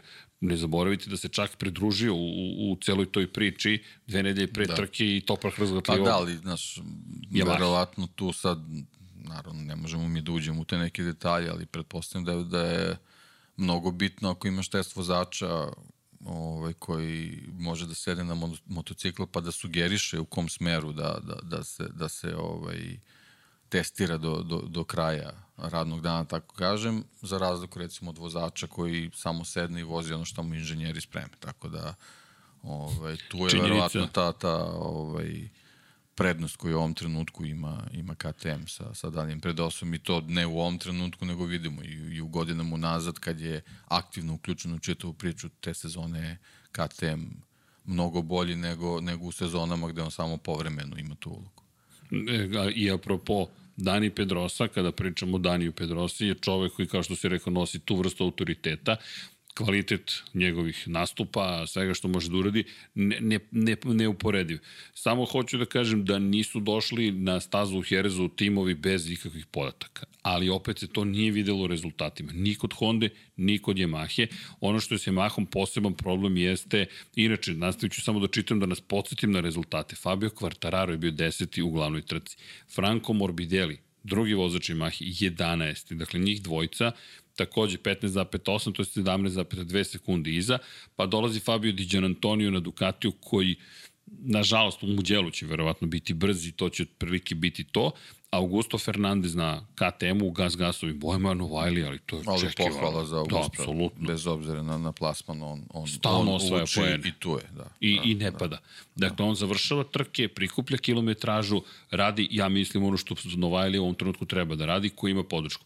Doći će i drugi deo sezone kada će morati da se dokaže, pošto neki klinci tamo iz Moto dvojki stižu, Moto dvojke su tek bile spektakl za sebe, Štefan Bradl koji je zauzeo 14. mesto i Ralf Fernandez na apeli 15. Međutim, kada pogledamo, iza njih inače pohvale za Ikira da. Lekonu i ona sa Folgera. Dobro, treba, treba i Raula spomenuti, arm pump je i kod I njega jest imao je prilično... Ovaj, kompartment sindrom, da, operisanju među Da, i, i, ovaj, i sam je rekao, ovu trku je bukvalno završio samo iz poštovanja prema ekipi koja se trudila da spremi motocikl, inače problemi su bili veliki i i kod njega je neka, neka malo komplikovanija situacija sa, sa, sa, sa tim sindromom, nekih devet mišića je nešto bilo ovaj, upa, upaljeno i u problemu ili već kako god, ne, ne razumijem se baš posebno to, ali, ali ovaj, operacija je navodno uspešno ovaj, obavljena, tako da, da se nadam da ćemo u nekom predstojećem periodu i od Raula dobijati ono što smo imali ovaj, u Moto dvojkama i da se nadamo da je to neko njegovo loše izdanje. Ovaj, čak i u prošle godini možda sve bilo posledica ovaj, tih, tih nekih poteškoća, tako da nadam se da, da, da ćemo uskoro dobiti njega ovaj, u boljem izdanju kad se oporavi. Pa, možda, pazi. možda već u Le Manu, ja sad ne, stvarno ne znam koliko traje oporavak od te operacije, ali ali on je, on je već po ovim izjavama deluje da je, da je mnogo raspoloženiji nego što je bio pre. Da, i kada pogledamo generalno cel njegovih godinu i po epopeju, ovu kroz koju prolazi, ja isto držim palčeve da je to neki početak. 15. Da. pozicija, jedan poen, kucam u drvo, bukvalno, kažem, ok, ajmo Raule, držimo ti palčeve. S tim što kada govorimo o, o klasifikaciji, uh, Iker Lekona, da ga spomenemo, 27. na Hondi, zamena za Marka Markeza, nije Casey Stoner, on je, to je Casey broj, ali završio je trku i bio mnogo zadovoljan, nije bio daleko od Raula Fernandeza, završiti trku ljudi možda deluje kao nevažno, nije nevažno, on je momak koji je ostvario svoj san, ono što si i pričao, ej ti si u Repsol Hondinim bojama, nastupio si sa brojem 27, svi su bili ne, zadovoljni. posebna stvar za Špance, zaista. Mislim da ne možemo mi ni da sagledamo šta znači kad, kad dobiješ poziv Repsol Honda. I dan danas. I dan danas, bukvalno. I Jonas Folger koji je poslednji prošao kroz cilj. To je samo 17 vozača. Maverick Vinales nije stigao do cilja. Na Apriliji. Joan Zarko nije stigao do cilja na Ducatiju. Marko Beceki, vodeći do ove trke, nije stigao do cilja takođe na Ducatiju. Alex Rins, Joan Mir na Hondama Van Staze i čovek koji nije ni započeo glavnu trku Miguel Oliveira.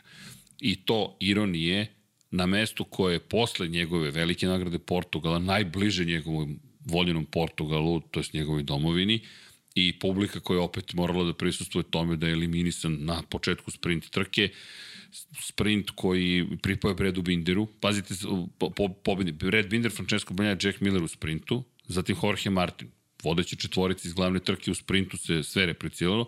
Miguel Oliveira, kada pričamo o, o, o, o, o uspehu, peta pozicija, 1,6 sekundi se našao iza pobednika sprinta. Deki, to je to je ono što je fenomenalno. Dakle, iz, izvinjam se, malo pre sam rekao u sprintu, dakle na početku, zapravo trećem startu tokom vikenda, na početku glavne trke u prvom krugu izbačen van staze ponovo nije mogao da započne trku, ali smo dobili potvrdu toga šta bi Miguel Oliveira mogao na ovoj apriliji.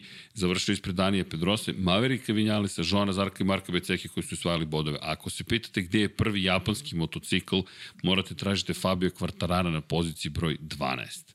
7,4 sekunde iza pobednika u sprintu koji je bio mnogo kraći, 11 krugova samo, 48 km, opet spektakl koji su nam napravili, Binder, Banjaja, Miller, pa možemo reći i Martin u celoj priči, mada nekako sve više Martin mi djeluje kao čovjek koji ako ne ide na onaj ultra rizik, ne može da bude u, u, u samom vrhu. Makar ne još, ali nije pao dve trke na četvrtoj poziciji. Pohvale za Martina što nije izleteo. Međutim, nije mi to pojenta priče. Pojenta priče jeste zapravo da u, u, u svemu ovome ne smemo da zaboravimo sprint nekako je zaboravljen, a i on je bio spektaklan i pripao Binderu i tih velikih 12 poena koji uz 20 pojena iz glavne trke mu donose 32 boda u, u ovom vikendu. Pa ono što je zaključak vezan za KTM, spektakularan start vozača, apsolutno, odličan tempo tokom trke i, i ono što je, što je najfascinantnije u čitoj priči, što je stvari verovatno doda, dodatno pojačal utisak o, o, o, o tom njihovom nastupu, su,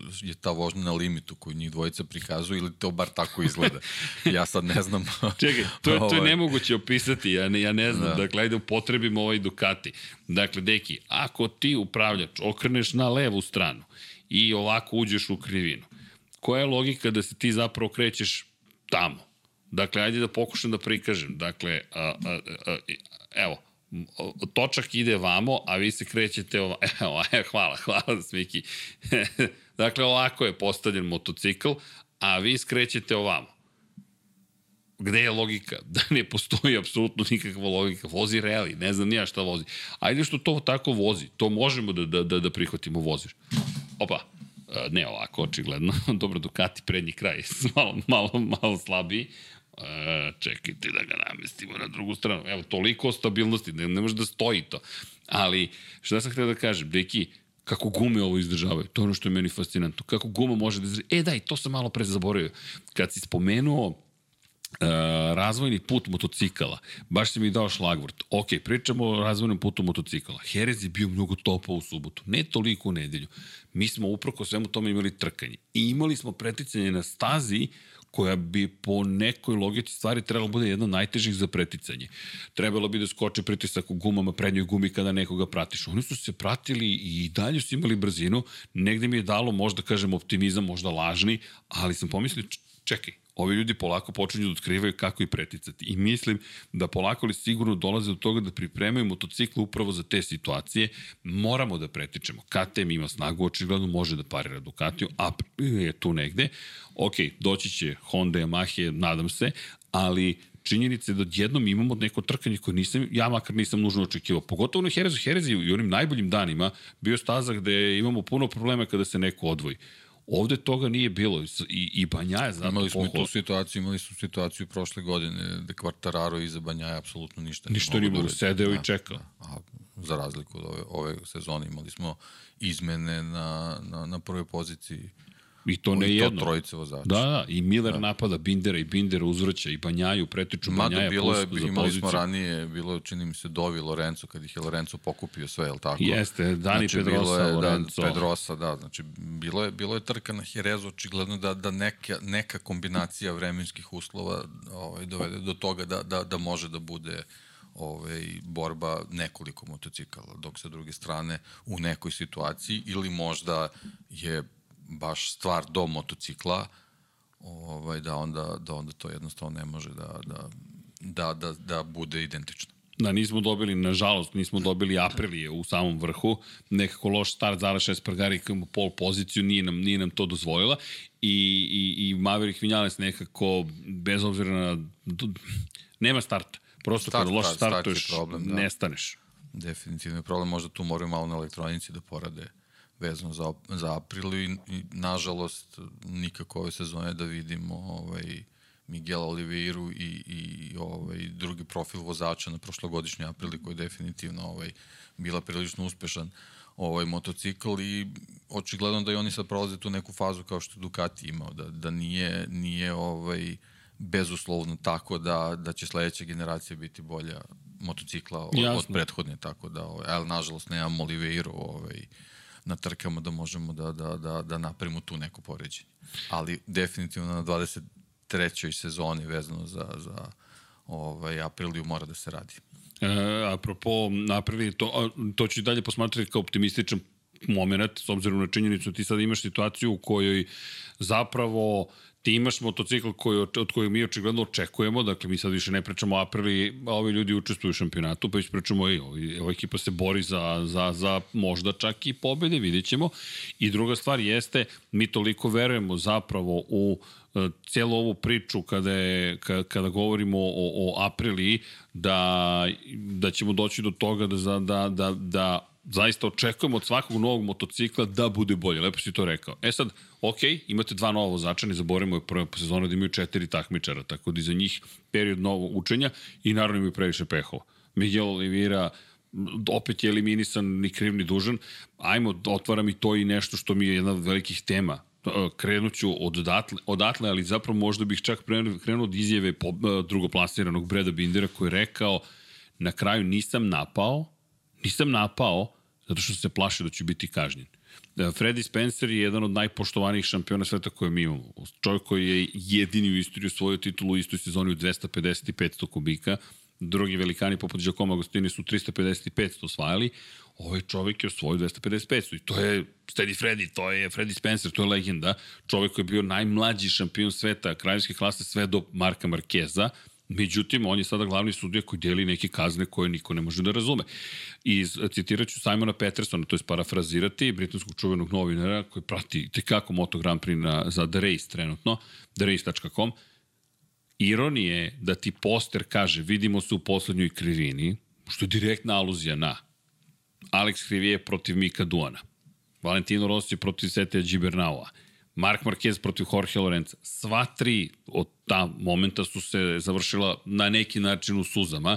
Neki su samo sišli sa staze pa se vratili, neki poput Aleksa Hrivijeja su odleteli sa motocikla, ali svaki put je kontakt završio, definisao onoga ko pobeđuje ili se po, pojavljaju na poziciji broj 2 u slučaju Lorenza i Marka Markeza. Mi sada dolazimo u situaciju da je Banjaja ušao žestoko u duel sa Millerom, morao da prepusti poziciju i na kraju Binder kaže pa nisam ni hteo da napadnem za pobedu da me ne bi kaznili. A onda dolazimo do incidenta iz, prve, iz prvog kruga gde Fabio Quartararo da li mogo bolje? Pa uvek možete bolje, ali ljudi, ono je trkački incident. I između Marka Beceke koji šire ulazi u krivinu, sa leve strane se nalazi Miguel Oliveira koji planira da skrene i tu je Fabio Quartararo negde između cijeloj priči koji učestvuje u tom incidentu, dobija kaznu dugog kruga, posle još prede su ga kaznili dodatno, što je nagazio zelenu liniju dok je gledao da se vrati bezbedno na stazu i mi dobijemo an, nije antiklimatično, zato mi je Peko Banjaja, Peko Banjaja mi je spasao sport, spasao mi je vikend, mislim da je spasao i Freddy Spencer u velikoj meri, jer da nije pobedio, mislim da bismo se vraćali upravo na to, čekaj, mora da pusti poziciju. A sve to je anulirao Banjaja, zato mi je baš šampionski, ali mi dovodi do ove teme koja ne znam kako da se reši samo, ali da, da, da, da je konstatujemo da trenutno ja ne razumem pravilnik, iskreno. Ne razumem kako koga kažnjavaju i zašto. Najiskreniji. Pa ne, posebno što se najviše priča o tim situacijama koje bi zaista, e, da, da ih je neko okarakterisao kao trkački incident, apsolutno ne bi, ne bi se, niko ne bi potezao, tem, ne, ka tem se ne bi žalio. Jednostavno, ovaj, to, su, to su neke stvari koje su ovaj, nepojemljive, posebno zato što se dešavaju u trenutku kada stvarno niko ne, ne pomišlja da nešto može da, da, da se desi. U trenutku kad se, kad se desio taj kontakt između Banjaje i, i Millera, ja ne znam da li iko, iko pomislio da, da, ovaj, da bi tu moglo da se, da se izrodi nešto što liči na neku kaznu. Ma ne, čak sam pre pomislio da će to biti jedan od onih kadrova koje repriziramo bukvalno repreziramo i kažemo, e, ovo je oličenje trkanja, još je cela priča mnogo lepa, za, za mene makar, Francesco Banjajna Ducatio protiv bivšeg klubskog kolege, koji je priča... Koji bi za... samo trebao možda malo da smanji svoju gestikulaciju. Ja mislim da, da njegovi neki... Nadam se da to nije njegova igra, zato što mi on suviše deluje kao iskren vozač i, i, ovaj, da. i sportista. Tako da te njegove gestikulacije često ovaj, se dešavaju kad se, kad se do, do, dolazi do takvih, do takvih obilaženja i mislim da bi to možda ovaj, trebalo da se smanji, da se više fokusira na trku, tako da bi možda sa, sa, sa, sa njegovim uh, manjim reakcijama možda došlo i do, do, do ovaj, manjih reakcija sudije. A misliš da je uticaj zapravo pa, bio... Pa možda, ne znam, jednostavno... Dobro, nagađamo, ne znam. Nagađamo, pritom vidimo da, da, da je tu bilo izvinjenje vezano no, za, za, za, za, peko, za Pekov nastup, mislim, on je, on je posle tog, posle tog postupka se izvinio, ovaj, dok sa druge strane imamo tu, tu neku, neku reakciju Millera koja nije prvi put takva. Tako da, ovaj... Da, bilo je raznih reakcija. I... E sad, možemo da tumačimo generalno taj, taj čitav potez, meni je, meni je ostao utisak da je jednostavno on, on otišao preširoko i da, se, da je krenuo da se vraća u trkačku putovanju, be, putanju bez obzira na, na, na vozača koji se nalazi iza njega, koji je pritom već onako debelo na trkačkoj putova, putanji na, na, idealnom, na, na, na idealnom putu za izlazak iz krivine. Mislim, moj sam utisak. Naravno. Ali, ne, neću sad ulazim stvarno, stvarno u te detalje, kažem ti, ovaj, potpuno se slažem s tobom i apsolutno mi, mi smeta što su, što su takve stvari, stvari počele da, da, da dolaze pod lupu i da se, da se završavaju na potpuno taj neki netakmičarski način.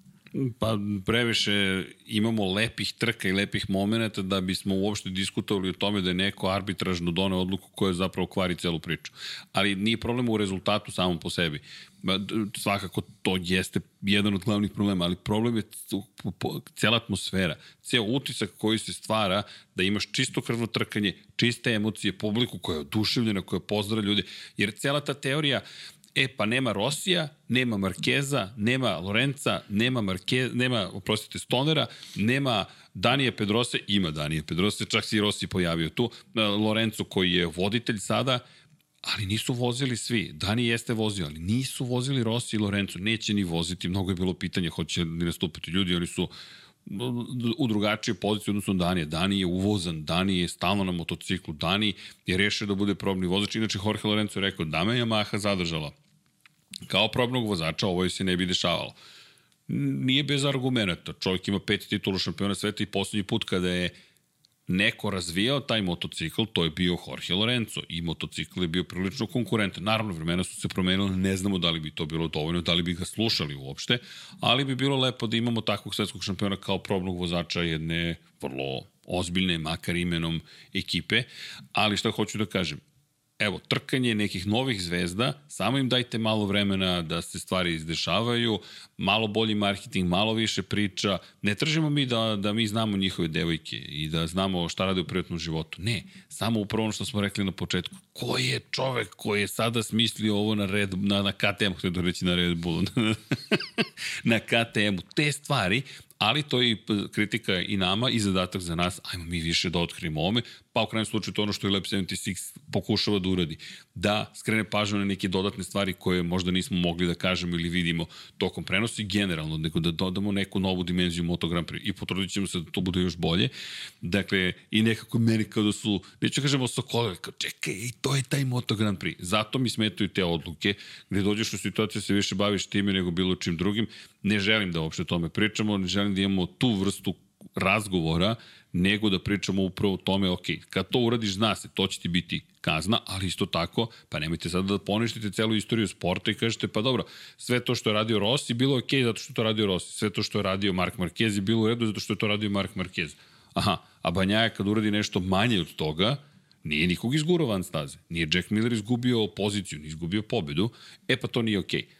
Moraš da vratiš poziciju. A pritom, Sini, ajde sad da pitamo, apropo, apropo konzistentnosti. Pa ne, znaš kako, nije skino nogu s nogu stupa, nije, nije ga laktom gur, mislim, ne znam, sad kažem, ulazim u te neke detalje, sad namjerno pokušavam to da, da izbegnem, ali, ali, ali, ali ovaj, o, ova, ova konkretna situacija zaista ne vidim, ne vidim razlog za, za, za, za, za i tu, da kažem i čak i blagu kaznu kao to propuštanje pozicije ovaj Ne znam, ne tom treba ti vreme, da, to, to je neko većanje, sad oni odlučuju, ne, ne znam. Pa ti dobi, ali, ali samo kratko još jedna stvar, konzistentnost.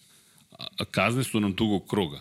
E, ali ti sad vrati poziciju. Čekaj sad, kad se vratilo, odjednom vrati poziciju situacija ok, vratno, ok, imali smo tih situacija ranije, da. ali čekaj, niste tako kažnjavali pa, ljude. zato što su shvatili da dugi krug za ovo bi bilo stvarno. to, to bi, bilo bi da bi bili... Znači, drugi krug za to i drugi krug za, za ozbiljnu povredu Miguela Olivire, mislim, ne, apsolutno ne može se porediti. Samo hoću da kažem da imam utisak da bismo došli u situaciju... Tom, da se opet vratimo na, na, na početak, Enea Bastianini je ove sezone vozio jedan krug tako što ga je oborio čovjek koji nije dobio kaznu za to.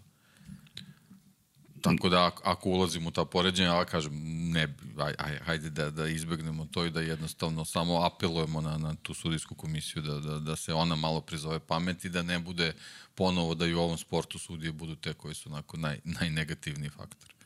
Ali, nažalost, Jesu, ali okej, okay. hoću, htio sam nešto drugo kažem da, da upravo to, ajde da ne ulazimo u kompletnu analizu, samo da konstatujemo da trenutno niko od nas ne zna zapravo šta će se desiti, kako će se desiti i ono što je poseban problem jeste što niko od nas ne može da dođe do Fredija Spencera, to jest oni neće nikome da odgovaraju ni na jedno pitanje. Bukvalno su van zakona. Otprilike, mi možemo da uradimo šta god hoćemo, ne moramo da odgovaramo medijima, Kako Kao to? sudi u premijer ligi. Na primer, gledamo gospodina Smiljana Banjca, kao još nekim situacijama, ali dobro, slušajte obneob.rs, pa će vam se otkriti neke stvari, ali činjenice, da, to mi poznato zvuči, mogu da radim šta god hoću i ne moram da odgovoram, a ne moram ni da odgovorim na pitanje novinara. Ne moram čak ni da organizujem konferenciju za medije. E, to je trenutno Freddy Spencer i kompanija. A i ne moram. A i ne moram, da, da. I šta neću. Tako da, tako da da, a vi se trkajte. Ali dobro, zato mi je Banjaja heroj revolucije, bukvalno čovjek koji je rekao, koji ništa nije rekao, ok, odmah je prepustio poziciju i nastavio da se trka i sve rešio na stazi. Prelepo. I nisu se ni previše osvrtali za to. Samo mi je bilo žao Bindera kada je rekao nisam hteo ni da napadnem. Da ne bi bilo da me kažnjavaju za, za, za nešto što bi ranije bilo klasično trkanje iskreno volao bih da sam video taj potez u poslednjoj krivini poslednjeg kruga Jorge Lorenzo na tom kultnom mestu koje stoji na posterima, da Brad Binder pokuša i da vidimo odgovor Francesca Banjaja, jer me zanima cela priča, i Ducati, i Banjaja, i Binder, kako bi se trkali do linicelja. No, i dalje smo dobili jedan pravi spektakl koji najavljuje fenomenalnu trku Lemanu koju je nemoguće predvideti, jer pod jedan, Očigledno je da niko nije dovoljno konzistentno, da nema konstantnost. Binder će ići gore dole od trke do trke, Banjaja deluje sve bolje, ali ne bih još uvek rekao da je smooth sailing ispred njim, da će biti jel te mirno more, nego da će osim, opet biti... Osim što je apsolutni favorit na svakoj trci. Jeste. A to to da. Banjaju odmah staviš, i to smo pričali u petak, ljudi, opustite se, to 15. 16. 14. nemoj da brinete. Bokolo u duhu, čak dosta mi tu podstavio na Rosiju, starih šampiona petak, ej, čekaj, doći će da. subota, sredit ćemo ne, bukvalno to. to. mi imamo sliku tokom ove sezone gde, gde postoje trkački vikend gde se on stvarno muči tokom treningu i onda odjednom u trci je apsolutno sve, sve na svom mestu. A, a, I to je taj neki novi kvalitet koji imamo kod njega. Je, kvalitet koji, moje mišljenje, je zaista i tekako vredan pažnje. Vredan, vredan upravo tog broja 1 koji nosi na, na, na, na svom motociklu i moram ti reći, lepo mi je što se trka sa brojem 1. Dobro to izgleda, eno ga broj 1 pojavio se, te, evo ga tu je De, to je, to, to je šampionska, to je meni ono što sam sanjao da ćemo videti. Možda njemu nije toliko značilo, ali cenim da nije loš izbor bio. Kad prođe neko vreme, ovaj, znaćemo koja je sezona bila. I između ostalog, između ostalog, deki, pogledaš stare fotke i kažeš, a, Casey broj 1, već automatski znam, nije mi to palo na pamet, sjajan komentar, kao i uvek. Ali, ali da, i, i nikad neću prežaliti John Mir što nije nosio broj 1, iskreno. Ni to, ne mogu da, ok, razumem Markeza, izabrao je svoj broj putem koji je išao i Valentino Rossi, sve je u redu, ok, njih dvojica imaju svoj večni duel, ali ceo koncept toga da, da, da Joan Mir na Suzuki nosi broj 1 i onda imaš neku fotku broj 1 na Suzuki. Pogotovo sad kad ih više nema. Inače, apropo Joana Mira, ne, ne znam koji komentar je adekvatan, prosto oni su potpuno izgubljeni trenutno i isto Peterson je u tu statistiku uočio Mir je imao više padova tokom mog vikenda nego prošle godine što je imao. Dakle, mi govorimo o čoveku koji ne može da, ne može da se snađe na Hondi. To je najblaže rečeno i sad samo čekamo šta će sledeće da se desi. Ne u kontekstu neke ne, povrede, to apsolutno ne, već u kontekstu toga šta je sledeći potez. Što njegov, što Repsol Honda, kuda. I to je ogromno pitanje za njih i za Yamahu. Deki, kuda je Honda i Yamaha? Šta će Fabio Quartararo? Fabio Quartararo koji uopšte nije imao lošu trku kad sabereš da ima dva duga kruga, neki trkački tempo, neki, postoji. Pa dobro, ali to je ali... opet, opet je Jerez, kad pogledamo istoriju Fabio Quartararo na ovoj stazi, opet je, staza, opet da. je, to je taj moment kojim se nadoknađuje nedostatak motocikla. Poenta je gledati te van serijske vozače na, na stazama koji njima ne odgovaraju i tu su stvari onda vidi koliko su ti motocikli ovaj, u zaostatku zaostali. A zaostatak je ogroman. Ovo trenutno za Honda, za Yamahu i Hondu je, Honda će još i, ja mislim, i, i mislim da će Yamaha imati par staza, pa evo, baš Le Mans možda. Da. I nije, možda. nije slučajno što evo te neke, nažalost, Miguel Olivire bio u oba incidenta uključen da su ih izazvali vozači Honda ili Yamaha. Oni su jednostavno, ne, nije, ne ovo sad pravdanje njihovo, nego jednostavno oni su na svakoj trci, pred svakoj, svakom krivinom na limitu, apsolutno. Da ti vidiš ljude koji zapravo A, pokušavaju... A to nisu njihovi stilovi vožnje, iako su bili super brzi kad su, kad su na, na, ovaj, na dobrim motociklima, to apsolutno ne znači da su oni, da su oni vozači koji koji voze, koji, koji voze na, na, na taj način, nego jednostavno sa ovakvim motociklima su prinuđeni, uključujući Joana Mira i to se sve završava u šljunku. Da, zanimljiv komentar je dao Dani Pedrosa, rekao, ljudi sa ovim velikim motociklima potpuno drugačije trkanje i potpuno drugačije kada se nađete iza nekoga. Mnogo su snažni, mnogo elektronike i to treba pre svega zaustaviti. I zato su ovi kompartni sindromi ovako i javljaju. Ja, ja, ja se stvarno ne sjećam da, da je ranije Ovo bilo toliko da u, u, pa, u poslednje dve, tri sezone gotovo svaki vozač na gridu ima bar jednu operaciju. Pa čak mi je ironija da je zapravo Dani Pedrosa imao velike probleme kao jedan od omanjih vozača fizički u staroj eri Moto Grand Prix i on je imao kompartment sindrom i on je jedan od redkih koji ga je imao zapravo. Baš smo pričali o kompartment sindromu kao nečemu vrlo specifičnom i tako dalje i tako dalje. Nije se dešavalo. Počelo da se dešava prethodne tri godine. Fabio Quartararo imao baš u Herezu 2021. To Kao kračlo u obe ruke. Da, obe ruke. Obe podlaktice, da. Za oni koji ne znaju, Jack bukvalno... Miller, čini mi se... Aleš Espargaro. Aleš Espargaro. Raul Fernandez da, da, sada. Da, da. Gotovo da nema vozača koji trenutno nije operista. Za oni koji ne znaju, bukvalno se opna, rascepi, bukvalno vi imate operaciju zapravo koja sprečava da dođe do uklješnjenja nerva. Ko nima uklještene nerve, ne zna. To mu dođe ko neka kila na trbušnjacima. A, pa, pa vidi, a, evo, a, da, da, da, da, da, da, da se... Ne moramo da ulazimo Samo, sad. sad slušaj sad ovo. E, reperfuzijski poređaj izazvan iz hemijskim otokom mišića, zatvornih u gustom fascijalnom mutaču, najčešće kod podlaktice, potkonice i butine. Kao posledica otoka raste subfacijalni intrakompartmentski pritisak, što dovodi do narušavanja mikrocirkulacije u mišićima i porasta iz hemijskog otoka koji napreduje do gangrene na udovima. Dakle, mi govorimo o ozbiljnim povredama. Iverzibilna neuromuskularna oštećenja nastaje posle 12 časova od početka kliničkih manifestacija kompartment sindroma. Mi ne pričamo o nekoj šaljivoj situaciji, mi pričamo o ozbiljnoj potencijalnoj povredi koja može da utiče na ceo život. Dakle, govorimo o tome i kaže, zato se brza i prava diagnoza kompartment sindroma i dekompresije putem fasciotomije odlučuju znači za uspostavljanje normalne cirkulacije, spašavanje ugroženog ekstremiteta od nekroze i amputacije. Kao posledice kompartment sindroma nastaje Volkmanova ishemijska kontraktura. Dakle, govorimo naravno o situaciji u kojoj je vozač u prilično dobrim rukama, ajde tako da kažemo, ali opet to nije nešto što tek tako, to što oni, e, otišao sam, operistu sam sređeno i idemo dalje, to je zato što su takvi kakvi jesu, neverovatni, međutim činjenice da pričamo o vrlo ozbiljnim stvarima. I kada govorimo o rešavanju problema, pa već smo navikli da, da ćemo malo, malo na operaciju, ali činjenica je da je kompartment sindrom nešto što ne želite da imate u svakodnevnom životu, apsolutno ne želite da vam se desi, njima je to postalo sasvim deo posla. I vraćamo se na to izjavu Danija Pedrosa koji je rekao drugačije, moram da vozim moje motocikle. Ali ih je vozio i meni se sviđa, pravi je džentlmen, samuraj, kako god želite, fenomenalna kaciga. Znači, kaciga, potpuno sam oduševljen bio kacigom, ali Dani Pedrosa koji u celoj toj situaciji, kada ulazi u drugu krivinu na početku trke, bilo koje, ti vidiš čoveka koji uopšte ne ulazi u klinč. Dakle, koji, koji sam rekao posle trke, pa nemam ja šta sad da se trkam s ovim momcima, oni su ovde svaki, u svakoj trci cijele godine, ja sam ovde jednom i vidiš čoveka koji, koji ko zna šta je mogao zapravo da postigne, ali takođe poštujem njegov stav, u njegovom kompletnom duhu, jer njegov posao nije zapravo bio da dođe na pobedničko posto ili pobedi, već da testira za KTM. A sa druge strane to nije zabušavao. Tako da... O, ne da, ne da nije zabušavao, nego tako deki... Tako da je sve legitimno.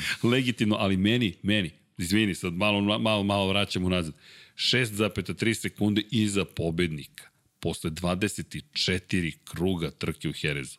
6 samo sekundi za ostatka, pri čemu je sedeo iza Luke Marini i manje više kampovao, nije ni povukao potez, ali iza njega, 8 sekundi iza njega Alex Marquez. Alex Marquez koji je rekao, Dani je moj jedan od junaka, pokušao sam da ga pratim i sad vidim ga ispred sebe, pa šta sad da radim, da ga preteknem, da ga pratim, i onda sam rekao, ajde da ga pratim. Nije baš bilo tako jednostavno pratiti ga i onaj prelepi stil vožnje čak i novim motociklima, gladak izlaz iz krivine, vidiš čoveka kome guma se ne mrda ni levo ni desno, nema, tre, nema motor se ne trese, čovjek samo vozi. I to ono što je Niki Hayden pričao, čuveni svetski šampion koga nažalost više nema, kada su ga pitali o najboljim klubskim kolegama. Kaže, Dani Pedrosa, zato što je to stil koji niko nikada neće imati otprilike.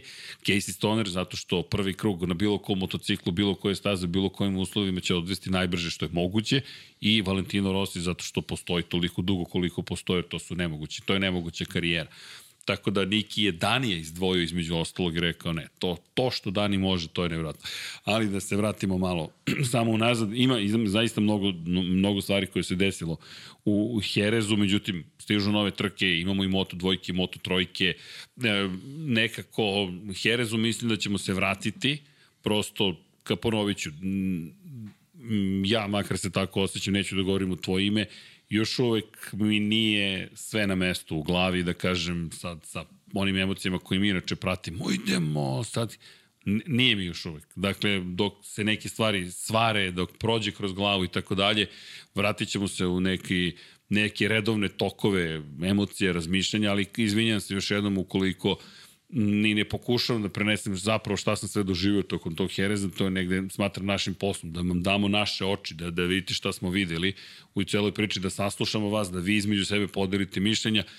Ne zamerite, možda smo mi samo mnogo osjetljivi, ali prosto e, vratit ćemo se, ja mislim, zaista Herezu kad bude došlo neko, ne, neko malo lepše vreme, ali trka koju ja, ja izdvajam kao jednu od najlepših koju sam komentarisao, pratio, zaista će mi ostati u sećanju, izvinjam se, i, i, i, i kada budemo radili pregled sezone negde na kraju, mislim da će Heres biti jedna posebna stanica. Ali, isto tako navijam da nam Le Mans da još jednu stanicu koja će nas naterati, kažu, pusti sad Heres, čekaj, sad pričamo o Le Mansu, a Le Mans, već smo rekli, kultna staza, mesto posebne, posebne istorije, koje je dobio jednu novu istoriju i sa francuskim šampionom. Fabio Quartararo ne brani titulu, branio je prošle godine, ali preko 200.000 ljudi je prošle godine bilo na stazi. Dakle, kada gledamo ceo vikend, jedan od najposećenijih vikenda, zapravo najposećeniji, Nadam se da će njegovi Francuzi biti raspoloženi da ga podrže i u ovom teškom trenutku, i po kiši i po svemu. Le Mans obično to izazove kod ljudi. I da ćemo vidjeti trku na stazi koja, čudo mi čudo, odgovara Ducati u velikoj meri snažno ubrzanje iz niskih stepena prenosa, snažna kočenja, stani i kreni takozvana staza, ali... Ali možda i KTM. ali možda i KTM-u. A Sada posle Hereza, možda i KTM-u i sad, sad je samo pitanje da li ta ubrzanja se prenose na, na duže pravce ili, ili je Jerez bio onako nekako ovaj, zbog svoje kompaktnosti u stvari idealan za, za, za za ovaj, performanse koje neguje KTM. Vidjet ćemo. Ovaj. I da li su u Jerezu sledećeg dana na, na testiranjima nešto podešavali vezano za, za Le Mans. E sad, tu je, tu je glavni problem. Ako bude kiše, onda ovaj, vidjet ćemo. Vidjet ćemo Pazi ovo, neki. Mm, ja sam zaboravio Jacka Millera 2021. ovde. I ne Bastianini prošle godine na Ducatiju. Pre dve godine Jack Miller na Ducatiju, pre tri godine Danilo Petrucci po kiši na Ducatiju. Ducati, Ducati, Ducati. A mi dalje negde Honda Yamaha. Honda Yamaha više se ne pitaju. Poslednja pobjeda Honda je Mark Marquez 2019. Pre toga Mark Marquez, Maverick Vinales na Yamahi. Jorge Lorenzo, Jorge Lorenzo na Yamahi. Mark Marquez, Dani Pedrosa na Hondama, Jorge Lorenzo na Yamahi, Casey Stoner na Hondi, Jorge Lorenzo, Jorge Lorenzo, Valentino Rossi na Yamahama, Čuvena pobjeda Krista Vermulena na Suzuki po kiši, jedna od redkih, to jest jedina za ta, tu verziju RSGP-a tamo iz, iz 2000-ih, to je početka 2000-ih, i onda dolazimo zapravo do do, do, do, do, do, do, do Marka Melandrija na Hondi, Valentina Rossi na Mahi, Sete Gibernau i tako dalje. I tako dalje. Kada pričamo o, o, o Le Manu, trebalo bi da pričamo o tome da je to Hondina staza, ali zapravo baš. I... Pa dobro, eto, ispada su to bile To to je bila Mahina, i Mahina Hondina, ne i. Hondina staza, Da, da. dok, dok se ovi, ova nova era ovih snažnih motocikala nije, malo čudno zvuči kao, kao, kao da ti nisu bili snažni, ali, ali ovi, ovi ovaj, gladijatorski motocikli su promenili čitavu priču i sad, sad pre svega moramo da, da gledamo Ducatije, ali zbog, zbog svega što je bilo u Jerezu, mislim da da i o KTM-ovima moramo da, da vodimo računa pre, pre svega o, Jacku Milleru koji je ovaj, u prošlosti pokazao da, da mu Le Mans odgovara kao, kao staza. Da, i samo jedno izvinjenje drugim Suzukijevcima, GSV-R je bio, GSX RR je bila ova verzija redo postavljenog motora, ali tamo davno, samo apropo Yamahinog komentara da nije tako lako preći sa V na redni, pa to je sa rednog na V, pa možda i nije tako teško, s obzirom na činjenicu da Suzuki, koji je mnogo manji, imao V motor, četvorocilindrični, napravio pauzu, vratio se i to je pauza bila 2012. 13. 2014. se već vratio te- testiranjima, 2015. je imao punu sezonu. Tako da Yamaha možda može da razmišlja o tome. Samo da napomenem, a apropo ovoga što si rekao, hajde da vidimo zaista kome, kome će ovo sve da odgovori, ali ja zaista ne mogu da pretpostavim uopšte ko će da pobedi, pri čemu Fabio Quartararo, kao što možete da čujete, nema pobedu ovde, Da li može da izvede čudo? Teško mi je da to poverujem, ali ako bi negde trebalo da se čudo desi, onda bi to morao da bude Le Mans. Jedini problem je što Yamaha ne funkcioniše ni po kiši, to ono što, što, što stalno pričamo i bojim se da tu kada pričamo, Jack Miller inače, pošto ne znam da ste pratili društvene mreže, već poslao poruksu, po poruksu, Petruksu poruku, dobro, Ove, ali dobro, poruksu je poslao, kaže Petrukse, da li se raduješ, da li, da li već se raduješ, pošto je kiša, kiša, kiša, kiša, kiša. I svi gledaju ka Danilu Petruću, čovek koji prosto uživa po kiši. Inače, prošli put, kada je, prošlog puta kada je pobedio, mama mu nije bila tu, mama ga uvek prati na trke u Lemanu, to je čuvena priča, sedne u automobil i sa njim ode do Lemana, pa mama nadam se da stiže, pa, a Petrux, ako, mislim da Petrux neće biti poput Danija, neću da učestvujem u ovoj trci, mislim da Petrux ima nešto da kaže svima u Moto Pa Grand dobro, Prix on je, on je takmičarski našpanovan. Tako je, on, tako on dolazi je. šampionata, tako da sad Samo konstatujem, sve, mislim da, sve da se neće zavisi sklanjati. od tog vremena. Ja mislim da je, da je to ovaj, ključni faktor, njemu, njemu osim, osim što mu odgovara kiša kao takva, mislim da će možda mu pomoći da nu- anulira neke nedostatke u odnosu na, na ostale vozače koji su, ono, da kažemo, 100% u šampionatu. Ali znamo ko pobeđuje u sprintu. Brad Binder, naravno, jer to, to, više, mislim, to, to, to, prosto, to, to je sad upisano. Precrtao je nedelju, prebacio je na subotu. Bukvalno je precrtao, mada sad je počeo da, da, da traži... Ne, ne, nije, nije više slučajno, nije, nije Ne, ne. sad to... Pazi, dve pobede Banjaje, dve pobede Bindera u sprintevima. Sprintovima.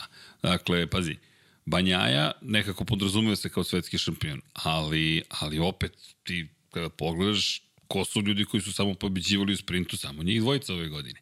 Tako da, pričati o slučajnostima je izlišno, to su, to su već njihove trke. I iz te perspektive poh, pohvale zaista za Banjaju. I naravno način na koji se vratio u igru posle onog krajnje problematičnog pada u Americi. Jer dva pada u velikim nagradama otvorilo je priliku, sad ima 22 poena. Inače da spomenemo Marka Beceki koji imao samo jedan poen na, tokom celog vikenda. Jedan poen u sprintu i bez bodova u velikoj nagradi.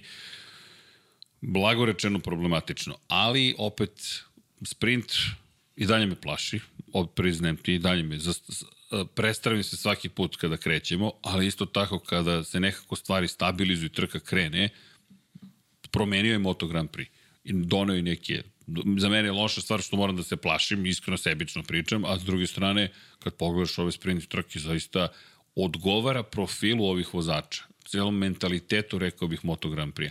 Jeste naporno, ni malo naivno, međutim, kada pogledaš rezultat, kažeš, ok, Pavle to kaže, počeo sam ono što si rekao, voli fast food, ali, ali da, da li je fast food ili prosto je neki malo antre koji je malo, malo, malo jači, ne znam, ali mnogo ljudi je zadovoljno što ima sprint, Moto Grand Prix sprint, čak Formula 1 je pod većim pritiskom nego što je ranije bila zbog sprinteva koji ne liče na sprint, jednostavno taj sprint meni u Formula 1 nemam tu vrstu uzbuđenja, sad sprint neka je frka, nekako okej, okay, kao Za to dobro, ajde, moramo ovo da, da odradimo ovaj deo posla. Učestvujemo, ali da nemamo štetu. Da, da, ovde se ovde, Ovde, se ovde ima se- mnogo štete, nažalost. Mnogo štete, da.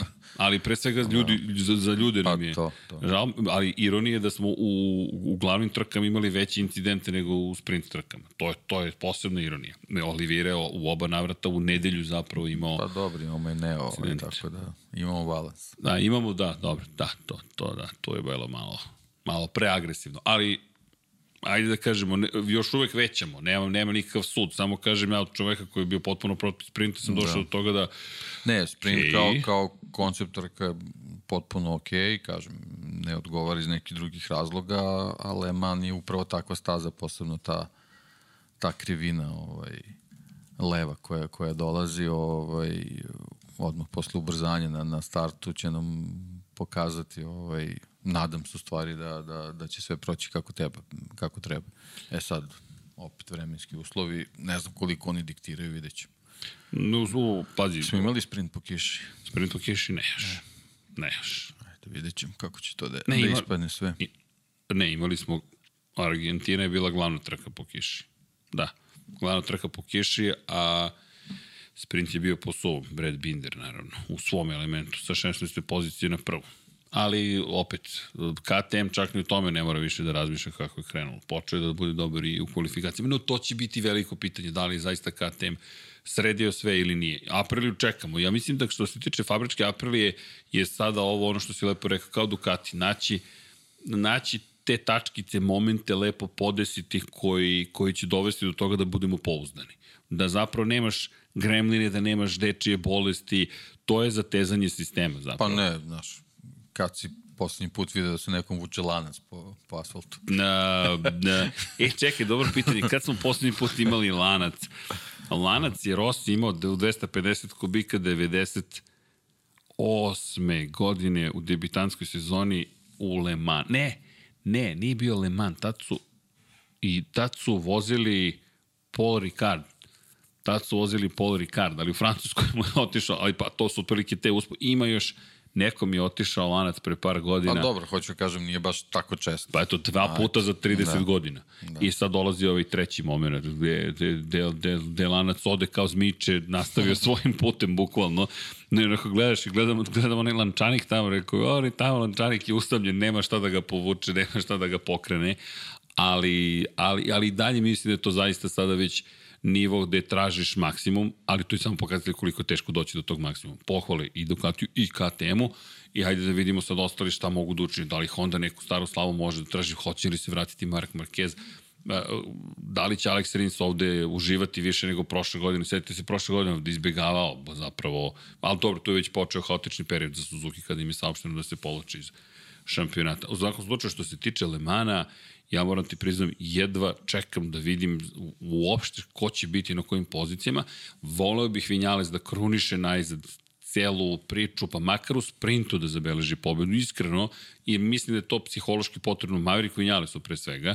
Aprilija zna da može da pobeđuje, Aleš Espargaro je počeo polako da dolazi do neke Pa dobro, stabilnosti. da ne vraća neku formu, ali Izleteo stvarno u treba, sprintu. treba uzeti u obzir njegove godine, pre svega. Pa i, i činjenicu, ja, ja mislim psihološki gledano, da je svestan da je prošla godina bila baš ta prilika koja ponekad ti se složi i moraš da iskoristiš, jer mlađi što kažeš dolaze, do sada 4 aprilije, teže je i drugo nisu ti se kockice složile kao prošle godine. Tamo gde si očekivao da budeš dobar, Argentina, nisi bio i sada kada ulazi uh, panika u redove. Aj sad mo- moramo, imamo motor, imamo motor, drugačije mora. Kad Drugačije. si, kad si Aleša spomenuo, čisto ne zaboravimo, pošto ovaj, smo pričali o povredama, Pola Espargaro nam se konačno javio da. i e, m, taj, taj kadar i, i, i njegovo lice sa osmehom, ovaj, što, je, što je glavni utisak, ali onako globalna slika stvarno pokazuje da, da to uopšte nije bila naivna, naivna povreda. Ne, nažalost, kada pričamo o, o kada pričamo o Polo Espargaru, sve što se desilo je je bilo blago, blago rečeno ekstremno ozbiljno. Zaista ekstremno ozbiljno i slažem se s tom, mnogo mi je drago da, ali toga smo se i pribojavali. Drago mi je da, da se polako poravlja, čeka ga još mnogo, mnogo pa strpljenje zapravo i to će isto biti ne, pitanje. vidi se da je ozbiljno pre svega na kilaži izgubio, da je baš bilo istrpljuće, a vidi se na, na licu da je to bilo stvarno dosta, dosta intervencija, ovaj, što, što ukazuje da je, da je to je u stvari samo jedna od povreda, da je to stvarno bio ozbiljan, ozbiljan udarac. Da, a najmanje se o njemu zapravo pričalo. Zapravo o njemu se najmanje pričalo jer on je sam pao što opet ne opravdava organizatore u Portimao. Videli smo incidente sa automobilima, dakle Portimao mora, ja ga ne bih vraćao na kalendar dok ne, dok se, ne dok ne kažu, ne, dok ne srede stazu.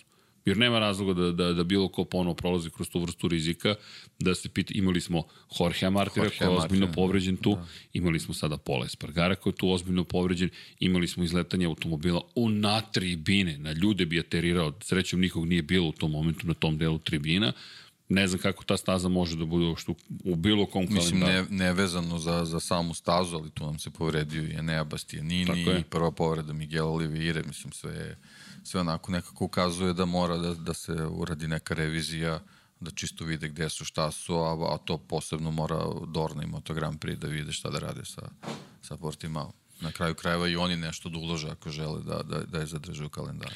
Pa, Ako već organizator ne može sam. Pa da, jer Dorni je to, deluje da je bitno tržište. Recimo kao što su Brno pustili niz vodu, možda su oni mogli nekako da se, da se uključu u čitavu priču, ali verovatno nisu bili zainteresovani i onda su izgubili jedno dobro mesto sa, sa ovaj, velikom količinom publike, ali očigledno da ono što smo i pričali, verovatno je televizija mnogo bitnija od, od ovaj, situacije uživo, tako da, da verovatno tu ne možemo da utičemo nešto mnogo na to.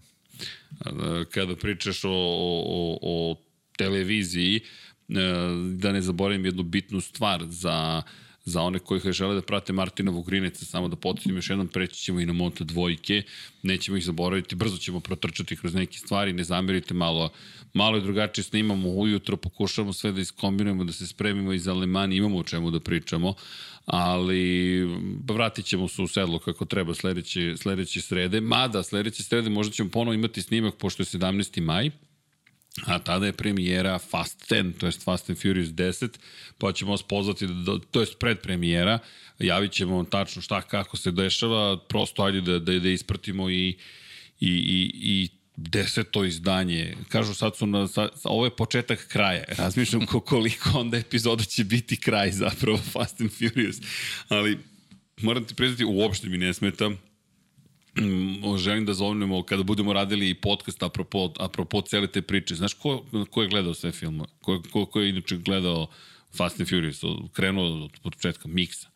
Dakle, Mihajlo je, kaže, fast, sve, kreće priča, rekao, dobro, Miksa, šta radiš? I opet naivno je rekao da, da to voli predamnom, tako da Tako da čeka ga mikrofon, verovatno. Ništa, moraš i Paju da zoveš, pošto je fast u imenu. A, okej. Okay. I, I ima još jedan ljubitelj. Fast and Furious. Furious, opa, raspoloženje. Ali znaš ko je, koga je inspirisao Fast and Furious da počne da se zapravo bavi automehaničarskim zanatom, da tako kažem, i po sada je mehaničar Jimmy Johnsona bio. Boži Tatarević. Pazi, Boži Tatarević koji, koji tweetuje Fast and Furious su me pokrenuli da počnem da petljam po automobilima. Rekao, dobro Boži, nisi ni svestan da si gost podcasta zapravo iz Amerike i kako je, ali pazi, to uticalo zaista na veliki broj ljudi, celu kulturu i naravno sad je došlo do toga da idemo u svemir automobilima, da smo u nekoj drugoj galaksiji, ali nema veze, to je good fun što kažu. A mislim da nam je malo dobre, dobre zabave u kojoj ne moraš da brineš previše o glavnim akterima i tekako, i tekako potrebno. Tako da eto 17. maja, verovatno ćemo biti opet u premijeri, ali možda ćete biti u predpremijeri sa nama, negde u Cineplexu nekom. Elem, Deki, Martin Vukrinec, hoću namjerno da istaknem pre nego što skočimo na Moto dvojke, počeo je karijeru u evropskom šampionatu u Moto 2 klasi, izleteo je sa trke u prvoj trci, imali su tehnički problem, Dakle, pre čemu kakva ironija. Ide trka i Martin izaći crvena zastava. Rekao, ne, sa, samo ne. I brzo Ivici Martinu poruke, ljudi, samo dajte bilo kakvu informaciju. Kaže, ne, ne, sve ok, ugruvan sam, nažalost, ponovo moraš take da koristi, ali nije toliko ozbiljan incident. Međutim, vozio drugu trku, dosvojio prve poene nije neka uteha možda, međutim rekao je tehnički problem prosto i rekao je da bi verovatno odustao na kraju tog kruga, da, da, je, da je stigao uopšte do ulaska u pit lane, ali je rekao, ok, ajde da probamo. Prva trka otvoriš sezonu i nije baš krenulo onako kako je želeo, ali držimo mu palče u svoje poene, tako da eto, pratite to. Imate i na YouTube, imate na kanalima Sport kluba, to je Evropski šampionat Moto2 klasika, kada je reč o svetskom šampionatu. Hoćeš ti, molim te, ne znam, pa dobro, nekako... dešava se.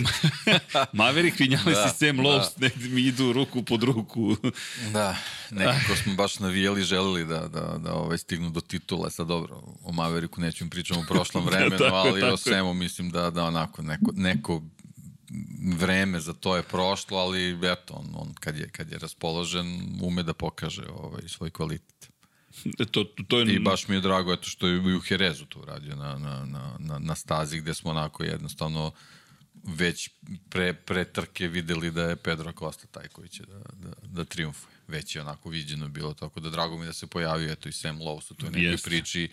Ovaj, ne verujem da, da, da, da, da će ova pobjeda sad nešto da ga svrsta u, u neke favorite za, za nastavak sezone, ali ponovo kad je on u pitao, pitanju volao, volao bi da grešim jednostavno, da, da, da je ovo sad možda neki, neki povratak Sema Losa, da kad se vratio u, u prikolicu, kad se pogleda u ogledalo, rekao, u, pa čekaj, možda ja mogu još ovo da, To, to, da nosim. možda ima ovde pa nečega Da, da, u- tako, ali o, možda je ovo samo trenutak inspiracije.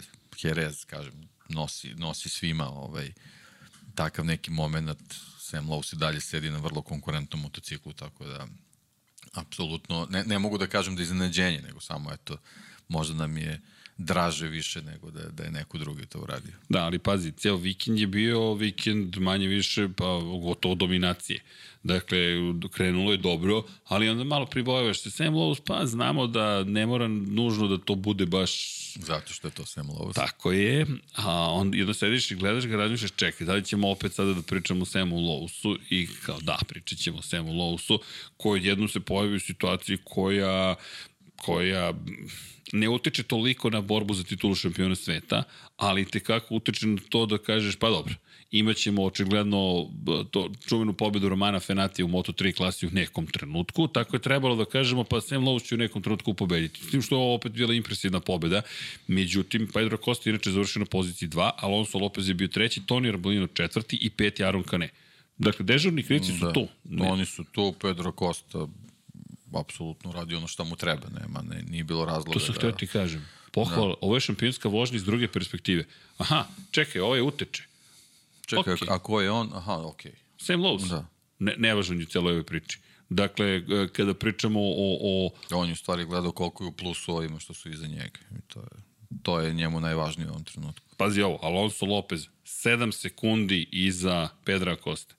Zašto bi se on bavio uopšte Samom Lowsom? Čemu? Ali baš se videl, moj utisak je bio da je, da je Pedro Costa bukvalno razmišljao take it easy. Ovo je, završen je posao. Ovaj čovjek je u svom filmu, ovo- ako uđem, znaš, znaš šta me do nekle asociralo? Na Aja Oguru prošle godine i šta je možda trebalo da uradi u Maleziji, da kaže čekaj, čekaj, čekaj, čekaj, situacija ide meni na ruku. Ne možda. ok, ovo, Iz nego, ove perspektive nije možda, nego tako je trebalo da bude. bukvalno da kaže take it easy, samo polako, mogu da napadnem ako mi se otvore vrata, ali ne ja ću na silu da pokušam da otvorim vrata. I to mi je sazrevanje Pedra Koste, koji ima jasan cilj. Jasan cilj. Da. Posebno što ovo mu je jako važno zbog dolaska u Le Mans sa kojim ima onako neraščićene račune, tako da ovo, je, ovo su jako bitni poeni za njega i apsolutno nije bilo razloga da, da se ulazi u bilo kakav rizik. Jer ovo je kompleksna sezona, moje da. mišljenje. Ne mogu da tvrdim i, i kada ga budem pitao, ne verujem da će, nam, da će mi odgovoriti precizno, tako da ne znam da li da postavim to pitanje, ali 74 poena on, 74 poena Toni Arbolino posle četiri trke. Utiska sam da nije nužno baš bilo očekivano da će sa Tonim biti egal kada se završe prve četiri trke. A u ovom momentu je nadoknadio 7 poena u trci. I upravo to mi djeluje kao razmišljanje cijele ekipe. Ej, sad, a, pametno, vozi pametno, jer ovo je prvi put da nije na pobedničkom postoju Toni Arbolino. Prvi put da nije idealna trka, ironija je da ga je pobedio klubski kolega zapravo, ali dobro, Sam Lowe's u svom filmu Tele garažu Mark VDS Racingu i Aron Kane koji je bio peti za nijansu bolji nego u Americi, di dalje se drži 22 pojena iza Acosta i Arbolina i onda Alonso Lopez koji je 29 pojena iza. Alonso da. Lopez koji deluje kao da nema Pa da, ali i, i to, to je nekako i, i vezano za Kanea za ovu sezonu, kao da, da nedostaje taj neki procenat u tom tempu. Nije, nije ovaj na, na, na nekom svom maksimalnom nivou. Sad, da li, da li zbog njega ili zbog motocikla, ovaj, ali, ali kod njega mi nešto, ne, nešto mi kvari sliku. Nije, nije mi ova, ovaj, ne deluje mi kad, kad, samo uvereno. Da, Iskreno, da, da, deluje nešto, mi kao da... Kao, nešto tu nedostaje. Znaš kako mi izgleda? Kao opet čovek koji je došao u šampionat i ima svoju uh, jedinu šansu i sada nešto se tu dešava nesigurno. Kao da nije došao do toga da zna da ima ugovor na celu sezonu i da je njegov posao sada da osvoji titulu šampiona sveta, jer on ima brzinu neophodnu za tako nešto. To je moj utisak, naravno, ne znam, to, te, to vozači vam neće to reći nikada, ali stičem tu vrstu utiska zapravo, da, da, da mi zapravo pričamo o čoveku koji koji kao da to, to nemam šampionski nego kažem ambicija postoji, ali kvalitet mislim da je kod Pedra Koste zaista šampionski. Uradio si šta je bilo potrebno, imamo ono čuno bigger fish to fry. Imamo mnogo važnijeg posla od ovoga danas. I da su svesni da, a to je Akiajo. To je klasičan Akiajo. Gradimo sezonu. I to mislim da prošle godine da je, da, da je nedostalo kod Ogure da mu neko bude Aki Ajo da mu kaže čekaj. Ali isto tako mislim da Hiroshi Yama nije ni očekivao da će imati vozača koji se bori za titulu šampiona sveta. I da je to njih sve iznenadilo. E, to je Aki Ajo. Bili su zatečeni. Bukvalno. A Aki Ajo nije zatečen. Da. Ovo je plan. Ovo je njegov posao da stvori šampiona i to se, tako da je to utisak, a Sam Lowe's, Sam Lowe's u toj celoj romantičnoj priči, u jednom romantičnom vikendu, lepo je videti veterana koji dođe i kaže čekaj. Pa dobro, to ti je kao, kao ona rečenica Pedrosi, trkaj se. Trkaj se. I on je na ovom vikendu tako, tako bio, međutim, žao mi, kažem, što eto, nije, nije češće u toj situaciji sa tom motivacijom da, da to tako radi. Ne, nažalost, ne možemo da, da računamo na A, njega. Dobro, da, okay. ali, ali bukvalno ok. I naravno, ostaje nam Moto trojke, koje, koje, da, u Moto dvojkama nekako zaista sam utiska da ovo mi nije bila trka tog tipa gde kažemo je vidio to od kruga do kruga šta će se dešavati kao što smo imali zaista sjajnu trku u Americi već mi je ovo bila trka, čekaj, ko je sada zreliji u celoj priči? Za sada Pedro Acosta je zreliji od Toni Arbolina i bolje iskoristio vikend. Međutim, ajmo da pričamo i naravno o Moto trojkama. Kada je reč o Moto trojkama, deki, šta ćemo s Ivanom Ortolom? Jesi očekivao Ivan Ortolu da zabeleži drugu pobedu za redom? Ja nisam. Pa u, u čitavoj onoj situaciji s onom velikom grupom, da budem iskren, imao sam neke druge favorite, ali ovaj... Ja ga nisam izdvojio. Da, nije, nije, nije u jednom trenutku nije bio, da kažem, u fokusu, ali drago mi je, mislim, znaš, odlično nešto dobijamo nekog vozača koji koji može da, da, da, da, da ostavi utisak da nije to, to samo neko povremeni, povremeni neki bljesak, nego jednostavno da, da imamo još jednog uh, koji će tim Moto trojkama da, da očigledno igra neku važniju ulogu i to, to mi je super. A vidi, meni, a kada pričamo o Ivanu Ortoli, drugar Ivan mi piše u petak ili subotu, Ivan Ortola pobeđuje. Razmišljam, da, Ivane, zaljubio si se. Znaš, onaj moment kad ti zadivi vozač prethodnom trkom, da se podsjetimo, imao je onaj moment kad je izbačen iz sedišta u Americi i pao na poslednju, pa nije poslednju, ali na začelje praktično i pobedi to na kraju. To je prekretnica karijere. Prekretnica karijere bi mogla biti. Sad on mi kaže, Srki, ne. budi siguran, Ivan Ortola pobeđuje. I sad imamo neku zajedničku grupu i, i iskreno i Goran i ja, koji smo, nas trojica smo u toj grupi, dopisujemo se, smo pozvani Ivane, daj, ok, možda ti imenjak pa ne. kao navijaš, ali nema šanse. Ne da nema šanse, nego ne vidim to. I gledaš trku da, da nije Ivan pisao Ivan Ortoli, ne znam da bi mu toliko posvetio pažnje. Ako gledam, ali mi dalje ni delovalo kao da će onda rešiti tu svoju korist. Ne, nemam neki još uvijek komentar, sačekao bih, ali zaista briljantna vožnja i kada pogledaš njih sedam u sedam desetinki na kraju trke. Da, ovo je neki stari motogram, Baš moto, stari. moto 3, ovaj, tako da ovaj, ali nije bio toliko opasan, nije bio nije, toliko nije, zastrašujući. Da, nije, nije. To ono što mi da su oni malo, malo shvatili da nije baš ovaj... Nije igra. Nije igra, nije igra. Nije igra. Koliko god da se igraju, nije igra. David Alonso, sjajno. Novajlija na kraju malo mu nedostajalo. Pričali smo o Davidu Alonso i prethodne sezone. David Alonso kao čovjek koji dolazi. Kao, ne, kao taj deo jedne ogromne grupe talentovnih vozača. Jose Antonio Reda koji je peti završio, Daniel Olgado koji vodi u šampionatu koji je na poziciji broj 6. Xavier Artigas opet nekoga je pobedio. Dakle, Artigas ne može nikako doći do tog, do tog željenog cilja. Jaume Masa i Yumu Sasaki kao veterani treći i četvrti. Sasaki završio trku. Mislim da je to bilo najvažnije. Da. Iako je bilo, opet, za mene nije bilo... Kao što je Masi bitno da je podijum. Tako je. Ali to je ono što pričamo, da. ajde vidjet ćemo se sutra, evo danas kažem i utorak, mada već smo se, kako ovo gleda, kada ovo gledate, videli, nadam se, ali baš i Kotor o tome pričao, kao šef Leopard Racinga, cilj nam je da zna kada si na kraju trke, opet vraćamo se na Moto2, na Aiju Guru, ne moraš da pobediš. Budi treći, budi drugi. Da, najlepše, ja pobedio sam. Ali kad ostaneš bez bodova, onda se hvataš za glavu, pa utiče na sledeću trku, pa na sledeću trku, pa na sledeću. 16 pojena za Jaume Masiju i polako I definitivno mu, ono, sreće, sreće. Znači, mora, mora jednostavno dobro, sreće da mu se uključi ovaj, kao, kao jako važan faktor. Ovaj. Ali dobro, tu je E, vidi, 12 pojena iza pa da, Olgada. Da. Tu je otvorena bitka, tu je mnogo lepa priča. Diogo Morira završio. Ono što mi se dopada jeste što, što, što imamo vozače na koje zaista već možemo da računamo i da neće odustati tako lako. I mislim da je ovo trka izdržljivosti. Olgado i dalje drži prvu poziciju. Pobjeda, četvrto mesto, peto mesto, šesto mesto, blaga pad forme, ali tu je Diogo Morira treći, drugi, četvrti, deseti, prvi, da kažemo, kiks, uslovno rečeno, ali Mulgado nije previše pobegao. Ortola, bez bodova u prve dve trke, sada 50 poena. Evo ga, tu je treće mesto u šampionatu i onda Masija. Peti pad, drugi, treći. To je, to je, tako se radi posao. Dakle, Masija, kada saberemo poslednje dve trke, 36 bodova, 21 Olgado, 19 poena za Moriru i anomalije zvano Ivan Ortola sa 50 maksimalnih poena koji se stvorio nijotkud praktično ok, očigledno svi moramo da računamo na njega i sad idemo u Francusku, ako pogledamo ovo je španski šampionat, trenutno Španija, da, malo ima Brazilac, evo jedan Kolumbijac, jedan Japanac su se tu malo uključili, ali, ali i Tatsuki Suzuki nije daleko, međutim, ima jedan vozač koji mi se, nažalost, izdvaja ponovo, ali ne onako kako smo očekivali, Denis Ondžu, nažalost, ali deki, ja počinjem polako da, da, da, da, da, da, da da, da, da, da, ne, da gubim mogućnost kako da pričam o Denizu Ondžu toliko pozitivno. Mislim da se sad svelo na bukvalno to da, da, da negde fantaziram da će uspeti da, da uradi neke stvari.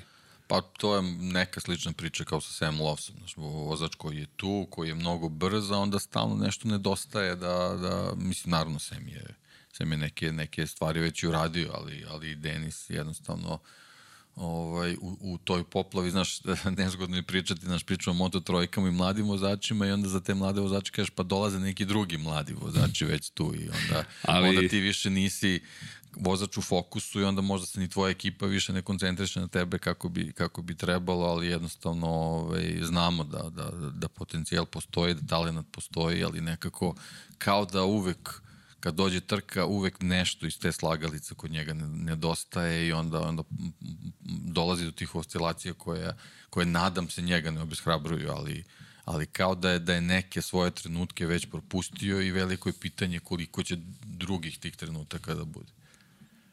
To je, to je samo ovaj, veliko pitanje. A znamo, da, znamo Herezi iz neke, neke prošlosti da nije, ovaj, nije staza koja, koja mu onako odgovarala, bez obzira koliko brz bio, tako da eto, možda, možda je to ta stanica samo koja, ne znam, eto, mu ne odgovara, ali, ali možda, možda već od Lemana u nekim trenucima dobijemo Denis onako kako bismo voleli, a to je da da bude u toj, toj, toj vodići grupi tih momaka što su u, u pola sekunde 60 inke koji se bore za pobedu. Tu je potpuno svejedno po meni ono, mislim, naravno, ovaj, postoji ovaj, motivacija vezana za pobedu i podijum, ali ti generalno ako završavaš trke, ako si u, u, u manje od sekunde za, za, za pobednikom, uvek postoji motivacija da, da nastaviš u tom tempu i da, i da ovaj, na sledećoj trci u, u, isto daš maksimum. Međutim, kad zaostaješ ne znam, 3-4 sekunde u, u Moto3 trci na, na, u, na finišu, to je već, to je već onako neko zvono za uzbun. Da, apropo Deniza Ondžua, da. ajde, pomalo, kažem, već ima utisak da smo postali navijači Deniza Ondžua, ako ništa drugo, ali ne vidim, ne vidim ono što, što, što bi što bi negde trebalo da, da pokaže, ali držimo mu palčeve. Deki, neću da te zadržam više. Hvala ti za ovo odvojeno vreme. Znam da je gusto spakovan današnji dan. Uh, Smiki Baki mora da se pripremi obneob takođe. Dakle, imamo, ne zamerite, kaže, malo su specifične okolnosti i prošle nedelje, ove nedelje drugačije smo planirali, ali mislim da i dalje neke stvari će uvek imati prioritet. Nadam se da ih nećemo više morati da prolazimo svi zajedno, ali iz perspektive onoga što se događalo pre svega u Srbiji i u Mladenovcu i u Beogradu zaista velike tragedije obeležile su nas sve. Ja ću samo ponoviti ono što smo već rekli više puta, ali to nažalost mora da se kaže i ne samo jednom, ali zaista naše saučešće pre svega ljudima koji su izgubili svoje najbliže, ne, ne može da se nadoknadi gubitak. Mi možemo samo da da kažemo da ćemo pokušati da time što se bavimo nekim manje bitnim stvarima, ali nekim lepim stvarima unaprediti, ajde da kažemo, ili malo ulepšati nekome dan, trenutak i skrenuti pažnju na, na, na neku zabavu koja treba da bude, što kaže deki, i neko bekstvo možda, ali mi u tome nalazimo lepotu. U krajem slučaju neka vas inspirišu te stvari. Zaista mi, eto, vidimo u tim sportovima, pogotovo u Moto Grand Prix-u, ne, neku vrstu te čiste strasti, čiste ljubavi, a svi smo pre svega emotivna bića, tek onda racionalna. Koliko god se trudili da budemo racionalni, uvek nas pokreću emocije, pa eto mi želimo s vama da podelimo te pozitivne emocije, nisu samo pozitivne emocije deo nas, nego i one manje lepe. Ko nije gledao fil, crtane filme, neka gleda kako su previli taj crtani film, da imate joy, pa imate sadness, pa imate anger, pa imate sve te emocije. Ne možete ni bez tuge, nažalost nije sve samo čista sreća, radost, ali to je ono što mi pokušamo da podelimo i da ne dužim više, nema tu potrebno ni mnogo toga da se doda, samo vodite računa zaista jednim drugim i mazite se i pazite se, to nije floskula, to ne znači da smo mi savršeni da smo uvek nežni i mi znamo da budemo grubi ili da, makar ja neću da pričam u deki u ime, ali, ali Point je da težimo da budemo nežni i da se zaista pone prenesemo neku poruku ljubavi, koliko god to možda nekom otrcano zvučalo, iskreno baš nas briga. Bolje, radije ćemo da budemo otrcani pričamo o ljubavi, nego da budemo in. Tako da, mazite se i pazite se, budite dobri jedni prema drugima, zaista, i, i, i vozite računa takođe jedni drugima. Prosto to neka bude neka poruka i šta da vam kažemo, želimo vam jedan lep trkački vikend. Što se tiče Patreona, nemojte da brinete, nisam vas zaboravio, sve ćemo pročitati, samo želim da Deki takođe može da nastavi svoj današnji dan sa što manje ometanja Hvala. daljeg. Hvala tebi, Deki, svi smo sabajle krenuli, jer samo da te znači nam sve ovo. Eto, to, to je sve što želim da dodam i Deki, da se vidimo lepo sledeće srede, pa da prođemo jednu divnu trku i da budemo puni samo tih pozitivnih emocija ako smem bezobrazno da kažem na vijeću da pada kiša, pa sad shvatite to kako god želite. ne, treba se kažeš poneću kabanicu. Poneću, subtilni, da, poneću kabanicu. Ok, u to ime poneću kabanicu. Ljudi, želimo vam lep ostatak dana, gde god da ste, šta god da radite, kako god daje, budite dobri, zaista jedni prema drugima, volite se, mazite se, pazite se i naravno, čao svima. Ćao svima. Kovačević, Nedim Drljević, Nemanja Jeremić, Damjan Venjanovski, Vladidov Dave, Grgo Živaljić, Đole Kube 4, Marko Bogavac, Vanja Radulović, Đorđe Milanović, Ivan Milatović, Šmele, Milan Kića, Jugoslav Ilić, Veselin Vukićević, Daniel Kolobarić, Josip Kovačić, Đorđe Đukić, Luka Klaso, Marin Antunović, Crnogorski Jedi, Dušan Petrović, Jelena Mak, Emir Mešić, Petar Nujić, Anonimus Donatorus, Aleksandar Mitrović, Mlađan Antić, Miloš Vuletić, Nebojša Živanović, Blufonac, Stevan Zekanović, Zlatko Vasić, Armin, Ivan Maksimović, Nikola Božinović, Bojan Mijatović, Dimitrije Mišić, Andreja Branković, Ljubo Đurović, Ivan Ciger, Benđo KK, Marko Blagojević, Boris Gvozden, Zoran Šalamun, Stefan Milošević, Morika Erceg, Denis Špoljarić, Miloš Broćeta, Matija Rajić, Aleksandar, Andreja Miladinović, Ivica, Džigi Pau, Stefan Dulić, Nikola Marinković, Boris Golubar, Ivana, Vladimir Mutić, Darko Trajković, Kristijan Šestak, Miloš Rašić, Andreja, Goša 46, Miroslav Cvetić, Armin Durgut, Đorđe Radojević, Andrej Božo, Alen Vuletić, Stefan Stanković, Renata Neš, Jasmina Pešić, Đole Cheesehead, Andrej Picok, Luka Martinović, Inzolin 13, Vladimir Filipović, Nemanja Labović, Dragan Matić, Đurđica Martinović, Nikola Stojanović, Đerman, Lazar Hristov, Ognjen Grgur, Lj. Đurović, Stefan Vidić, Stefan Nedeljković, Andrija Todorović, Aleksandar Antonović, Vojin Kostić, Mihajlo Krgović, Lazar Pejović, Branimir Kovačev, Jasenko Samarđić, Ivan, Bahter Abdurmanov, Petar Relić, Dušan Delić, Vlada Ivanović, Stefan Prijović, Optimistik Josh Allen Fan, Mladen Mladenović, Igor Jankovski, Nemanja, Milan Ristić, Aleksandar Anđelić, Miloš Radosavljević LFC, Nemanja Zagorac, Luka Saović, Vladimir Petković, Salim Okanović, Žarko Milić, Jelena Veljković, Nenad Ivić, Nenad Pantelić, Zorana Vidić, Milan Apro, Aleksandar Radivojša, Katarina, Novak Tomić, Vladimir Uskoković, Dejan Đokić, Aleksa Vučaj, Sava Dugi, Vučinić Miroslav, Bojan Bogdanović, Lukaš, Miloš Banduka, Laslo Boroš, Alen Stojčić, Životić Jovana, Predrag Pežurica, Zoran Majdov, Nikola Grujičić, Stefan Ličina, Branislav Kovačević, Nenad Simić, Bojan Majstorović, Da žena ne sazna, Matija Pinoto, Luka Manitašević, Miloš Todorov, Marko Marković, Bata Brada, Nikola Milosavljević, Vukašin Vučenović, Marko Petrekanović, Zoltan Mezeji, Ivan Rebac, Kimi Rajkonen, Ćole Bronkos, Stefan Janković, Filip, Ivan Simeunović, Aleksa Lilić, Branimir Rijavec, Saša Ranisavljević, Srđan Sivić, Vambli Sapa, Aleksa Valter, Ognjen Ungurjanović, Vukašin Jekić, Vuk Korać, Zoran Cimeša, Nedim, Ivan Maja Stanković, Danijela Ilić, Ferenc Laslofi, Danka, Boris Kujundžić, Aleksandar Bobić, Marko Mostarac, Stefan Vuletić, Antonio Novak, Borko Božunović, Ivan Rečević,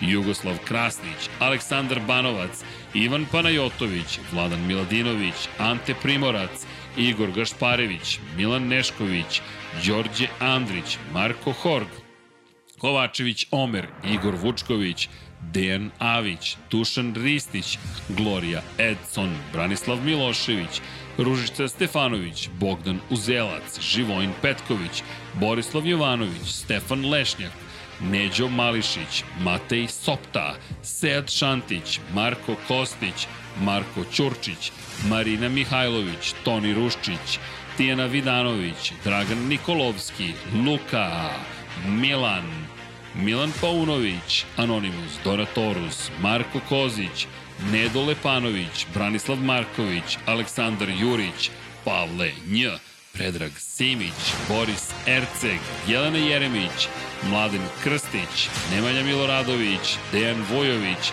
Anonimus, Donatorus, Jeca i Stefan, Milan Milašević, Mladen Tešić, Deus Nikola, Safet Isljami, Nikola E, Borislav Vukojević, Branko Bisački, Mirina Živković, Dorijan Kablar, Ognjen Marinković, Branislav Dević, Ivan Toškov, Ertan Prelić, Kro Robi 0-0, Domagoj Klarić, Resničanin, Mensur Kurtagić, Blagoj Arčevski, Nemanja, Petar Bjelić, Ivan Vujasinović, Nikola Kojić, Tatjana Lemajić, Ivan Magdelinić, Ivan Vincetić, Zlatko Marić, Miljana Milutinović, Kosta Berić, Maksi, Bojan Stanković, Goran Rođenović, Marko Stojilković, korespondent, korespondent, Alen Jesenović, Ivan Božanić, Milorad Reljić, Nikola Grđan, Nemanja Bračko, Uroš Ćosić, Branislav Dević, Saša Stevanović, Vladimir Vujičić, Drago Veković, Nemanja Cimbaljević, Toni Soni 76, Bojan Markov, Nikola Vulović, Marina, Nemanja Miloradović, Pavle Lukić, Miloš Zed LFC, Vlada Ivanović, Josip Buljovčić, Ehil, Jelena Jeremić, Pavle Mandić, Domagoj Kovač, Toleador, Vukašin Vučenović, Dinstero, Uroš Čuturilo, Đera 7, Oliver Nikolić, Almir Vuk, Milanka Marunić, Marakos, Milan Knežević, Vuk, Marko Bogavac, Igor Ninić, Voča Pero, Miloš Stanimirović, Aleksandar P, Mortal Kombat, Srđan Ćirić, Ivana Vesković, Nikola Niksi, Bojan Gitarić, Ivan Hornjak, Aleksandar Nikolić, Vladan Đurić, Đorđe Janjić, Hristo Nakov, Dejan Janić, Almedin Ahmetović, Nikola Božović, Vojislav Tadić, Koja 7, Galeksić, Sejdo Mujčić, Omer Sarajlić, Škundra, Bakadu, Aleksandar Kockar, Igor Ilić, Aleks Volović, Dejan Plackov, Plackov, Vladimir Subotić, Anonimus, Donatorus. It's been 22 years since we started the saga. How did we get so lucky to come so far? This family is ready to come back together. It's a dream come true. I mean, it's definitely bucket list for sure.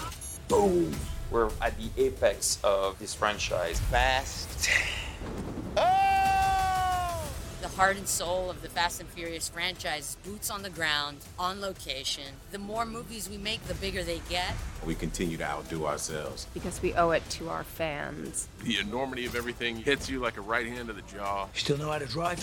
Every time I'm on set, I have to pinch myself. I am now a Toretto. You are now a Toretto. I just have been badgering them to participate in this. It's such an honor to be part of this family. That's the problem with having such a big family. How do you choose the ones you save? We're so lucky to be able to continue this saga for all of you.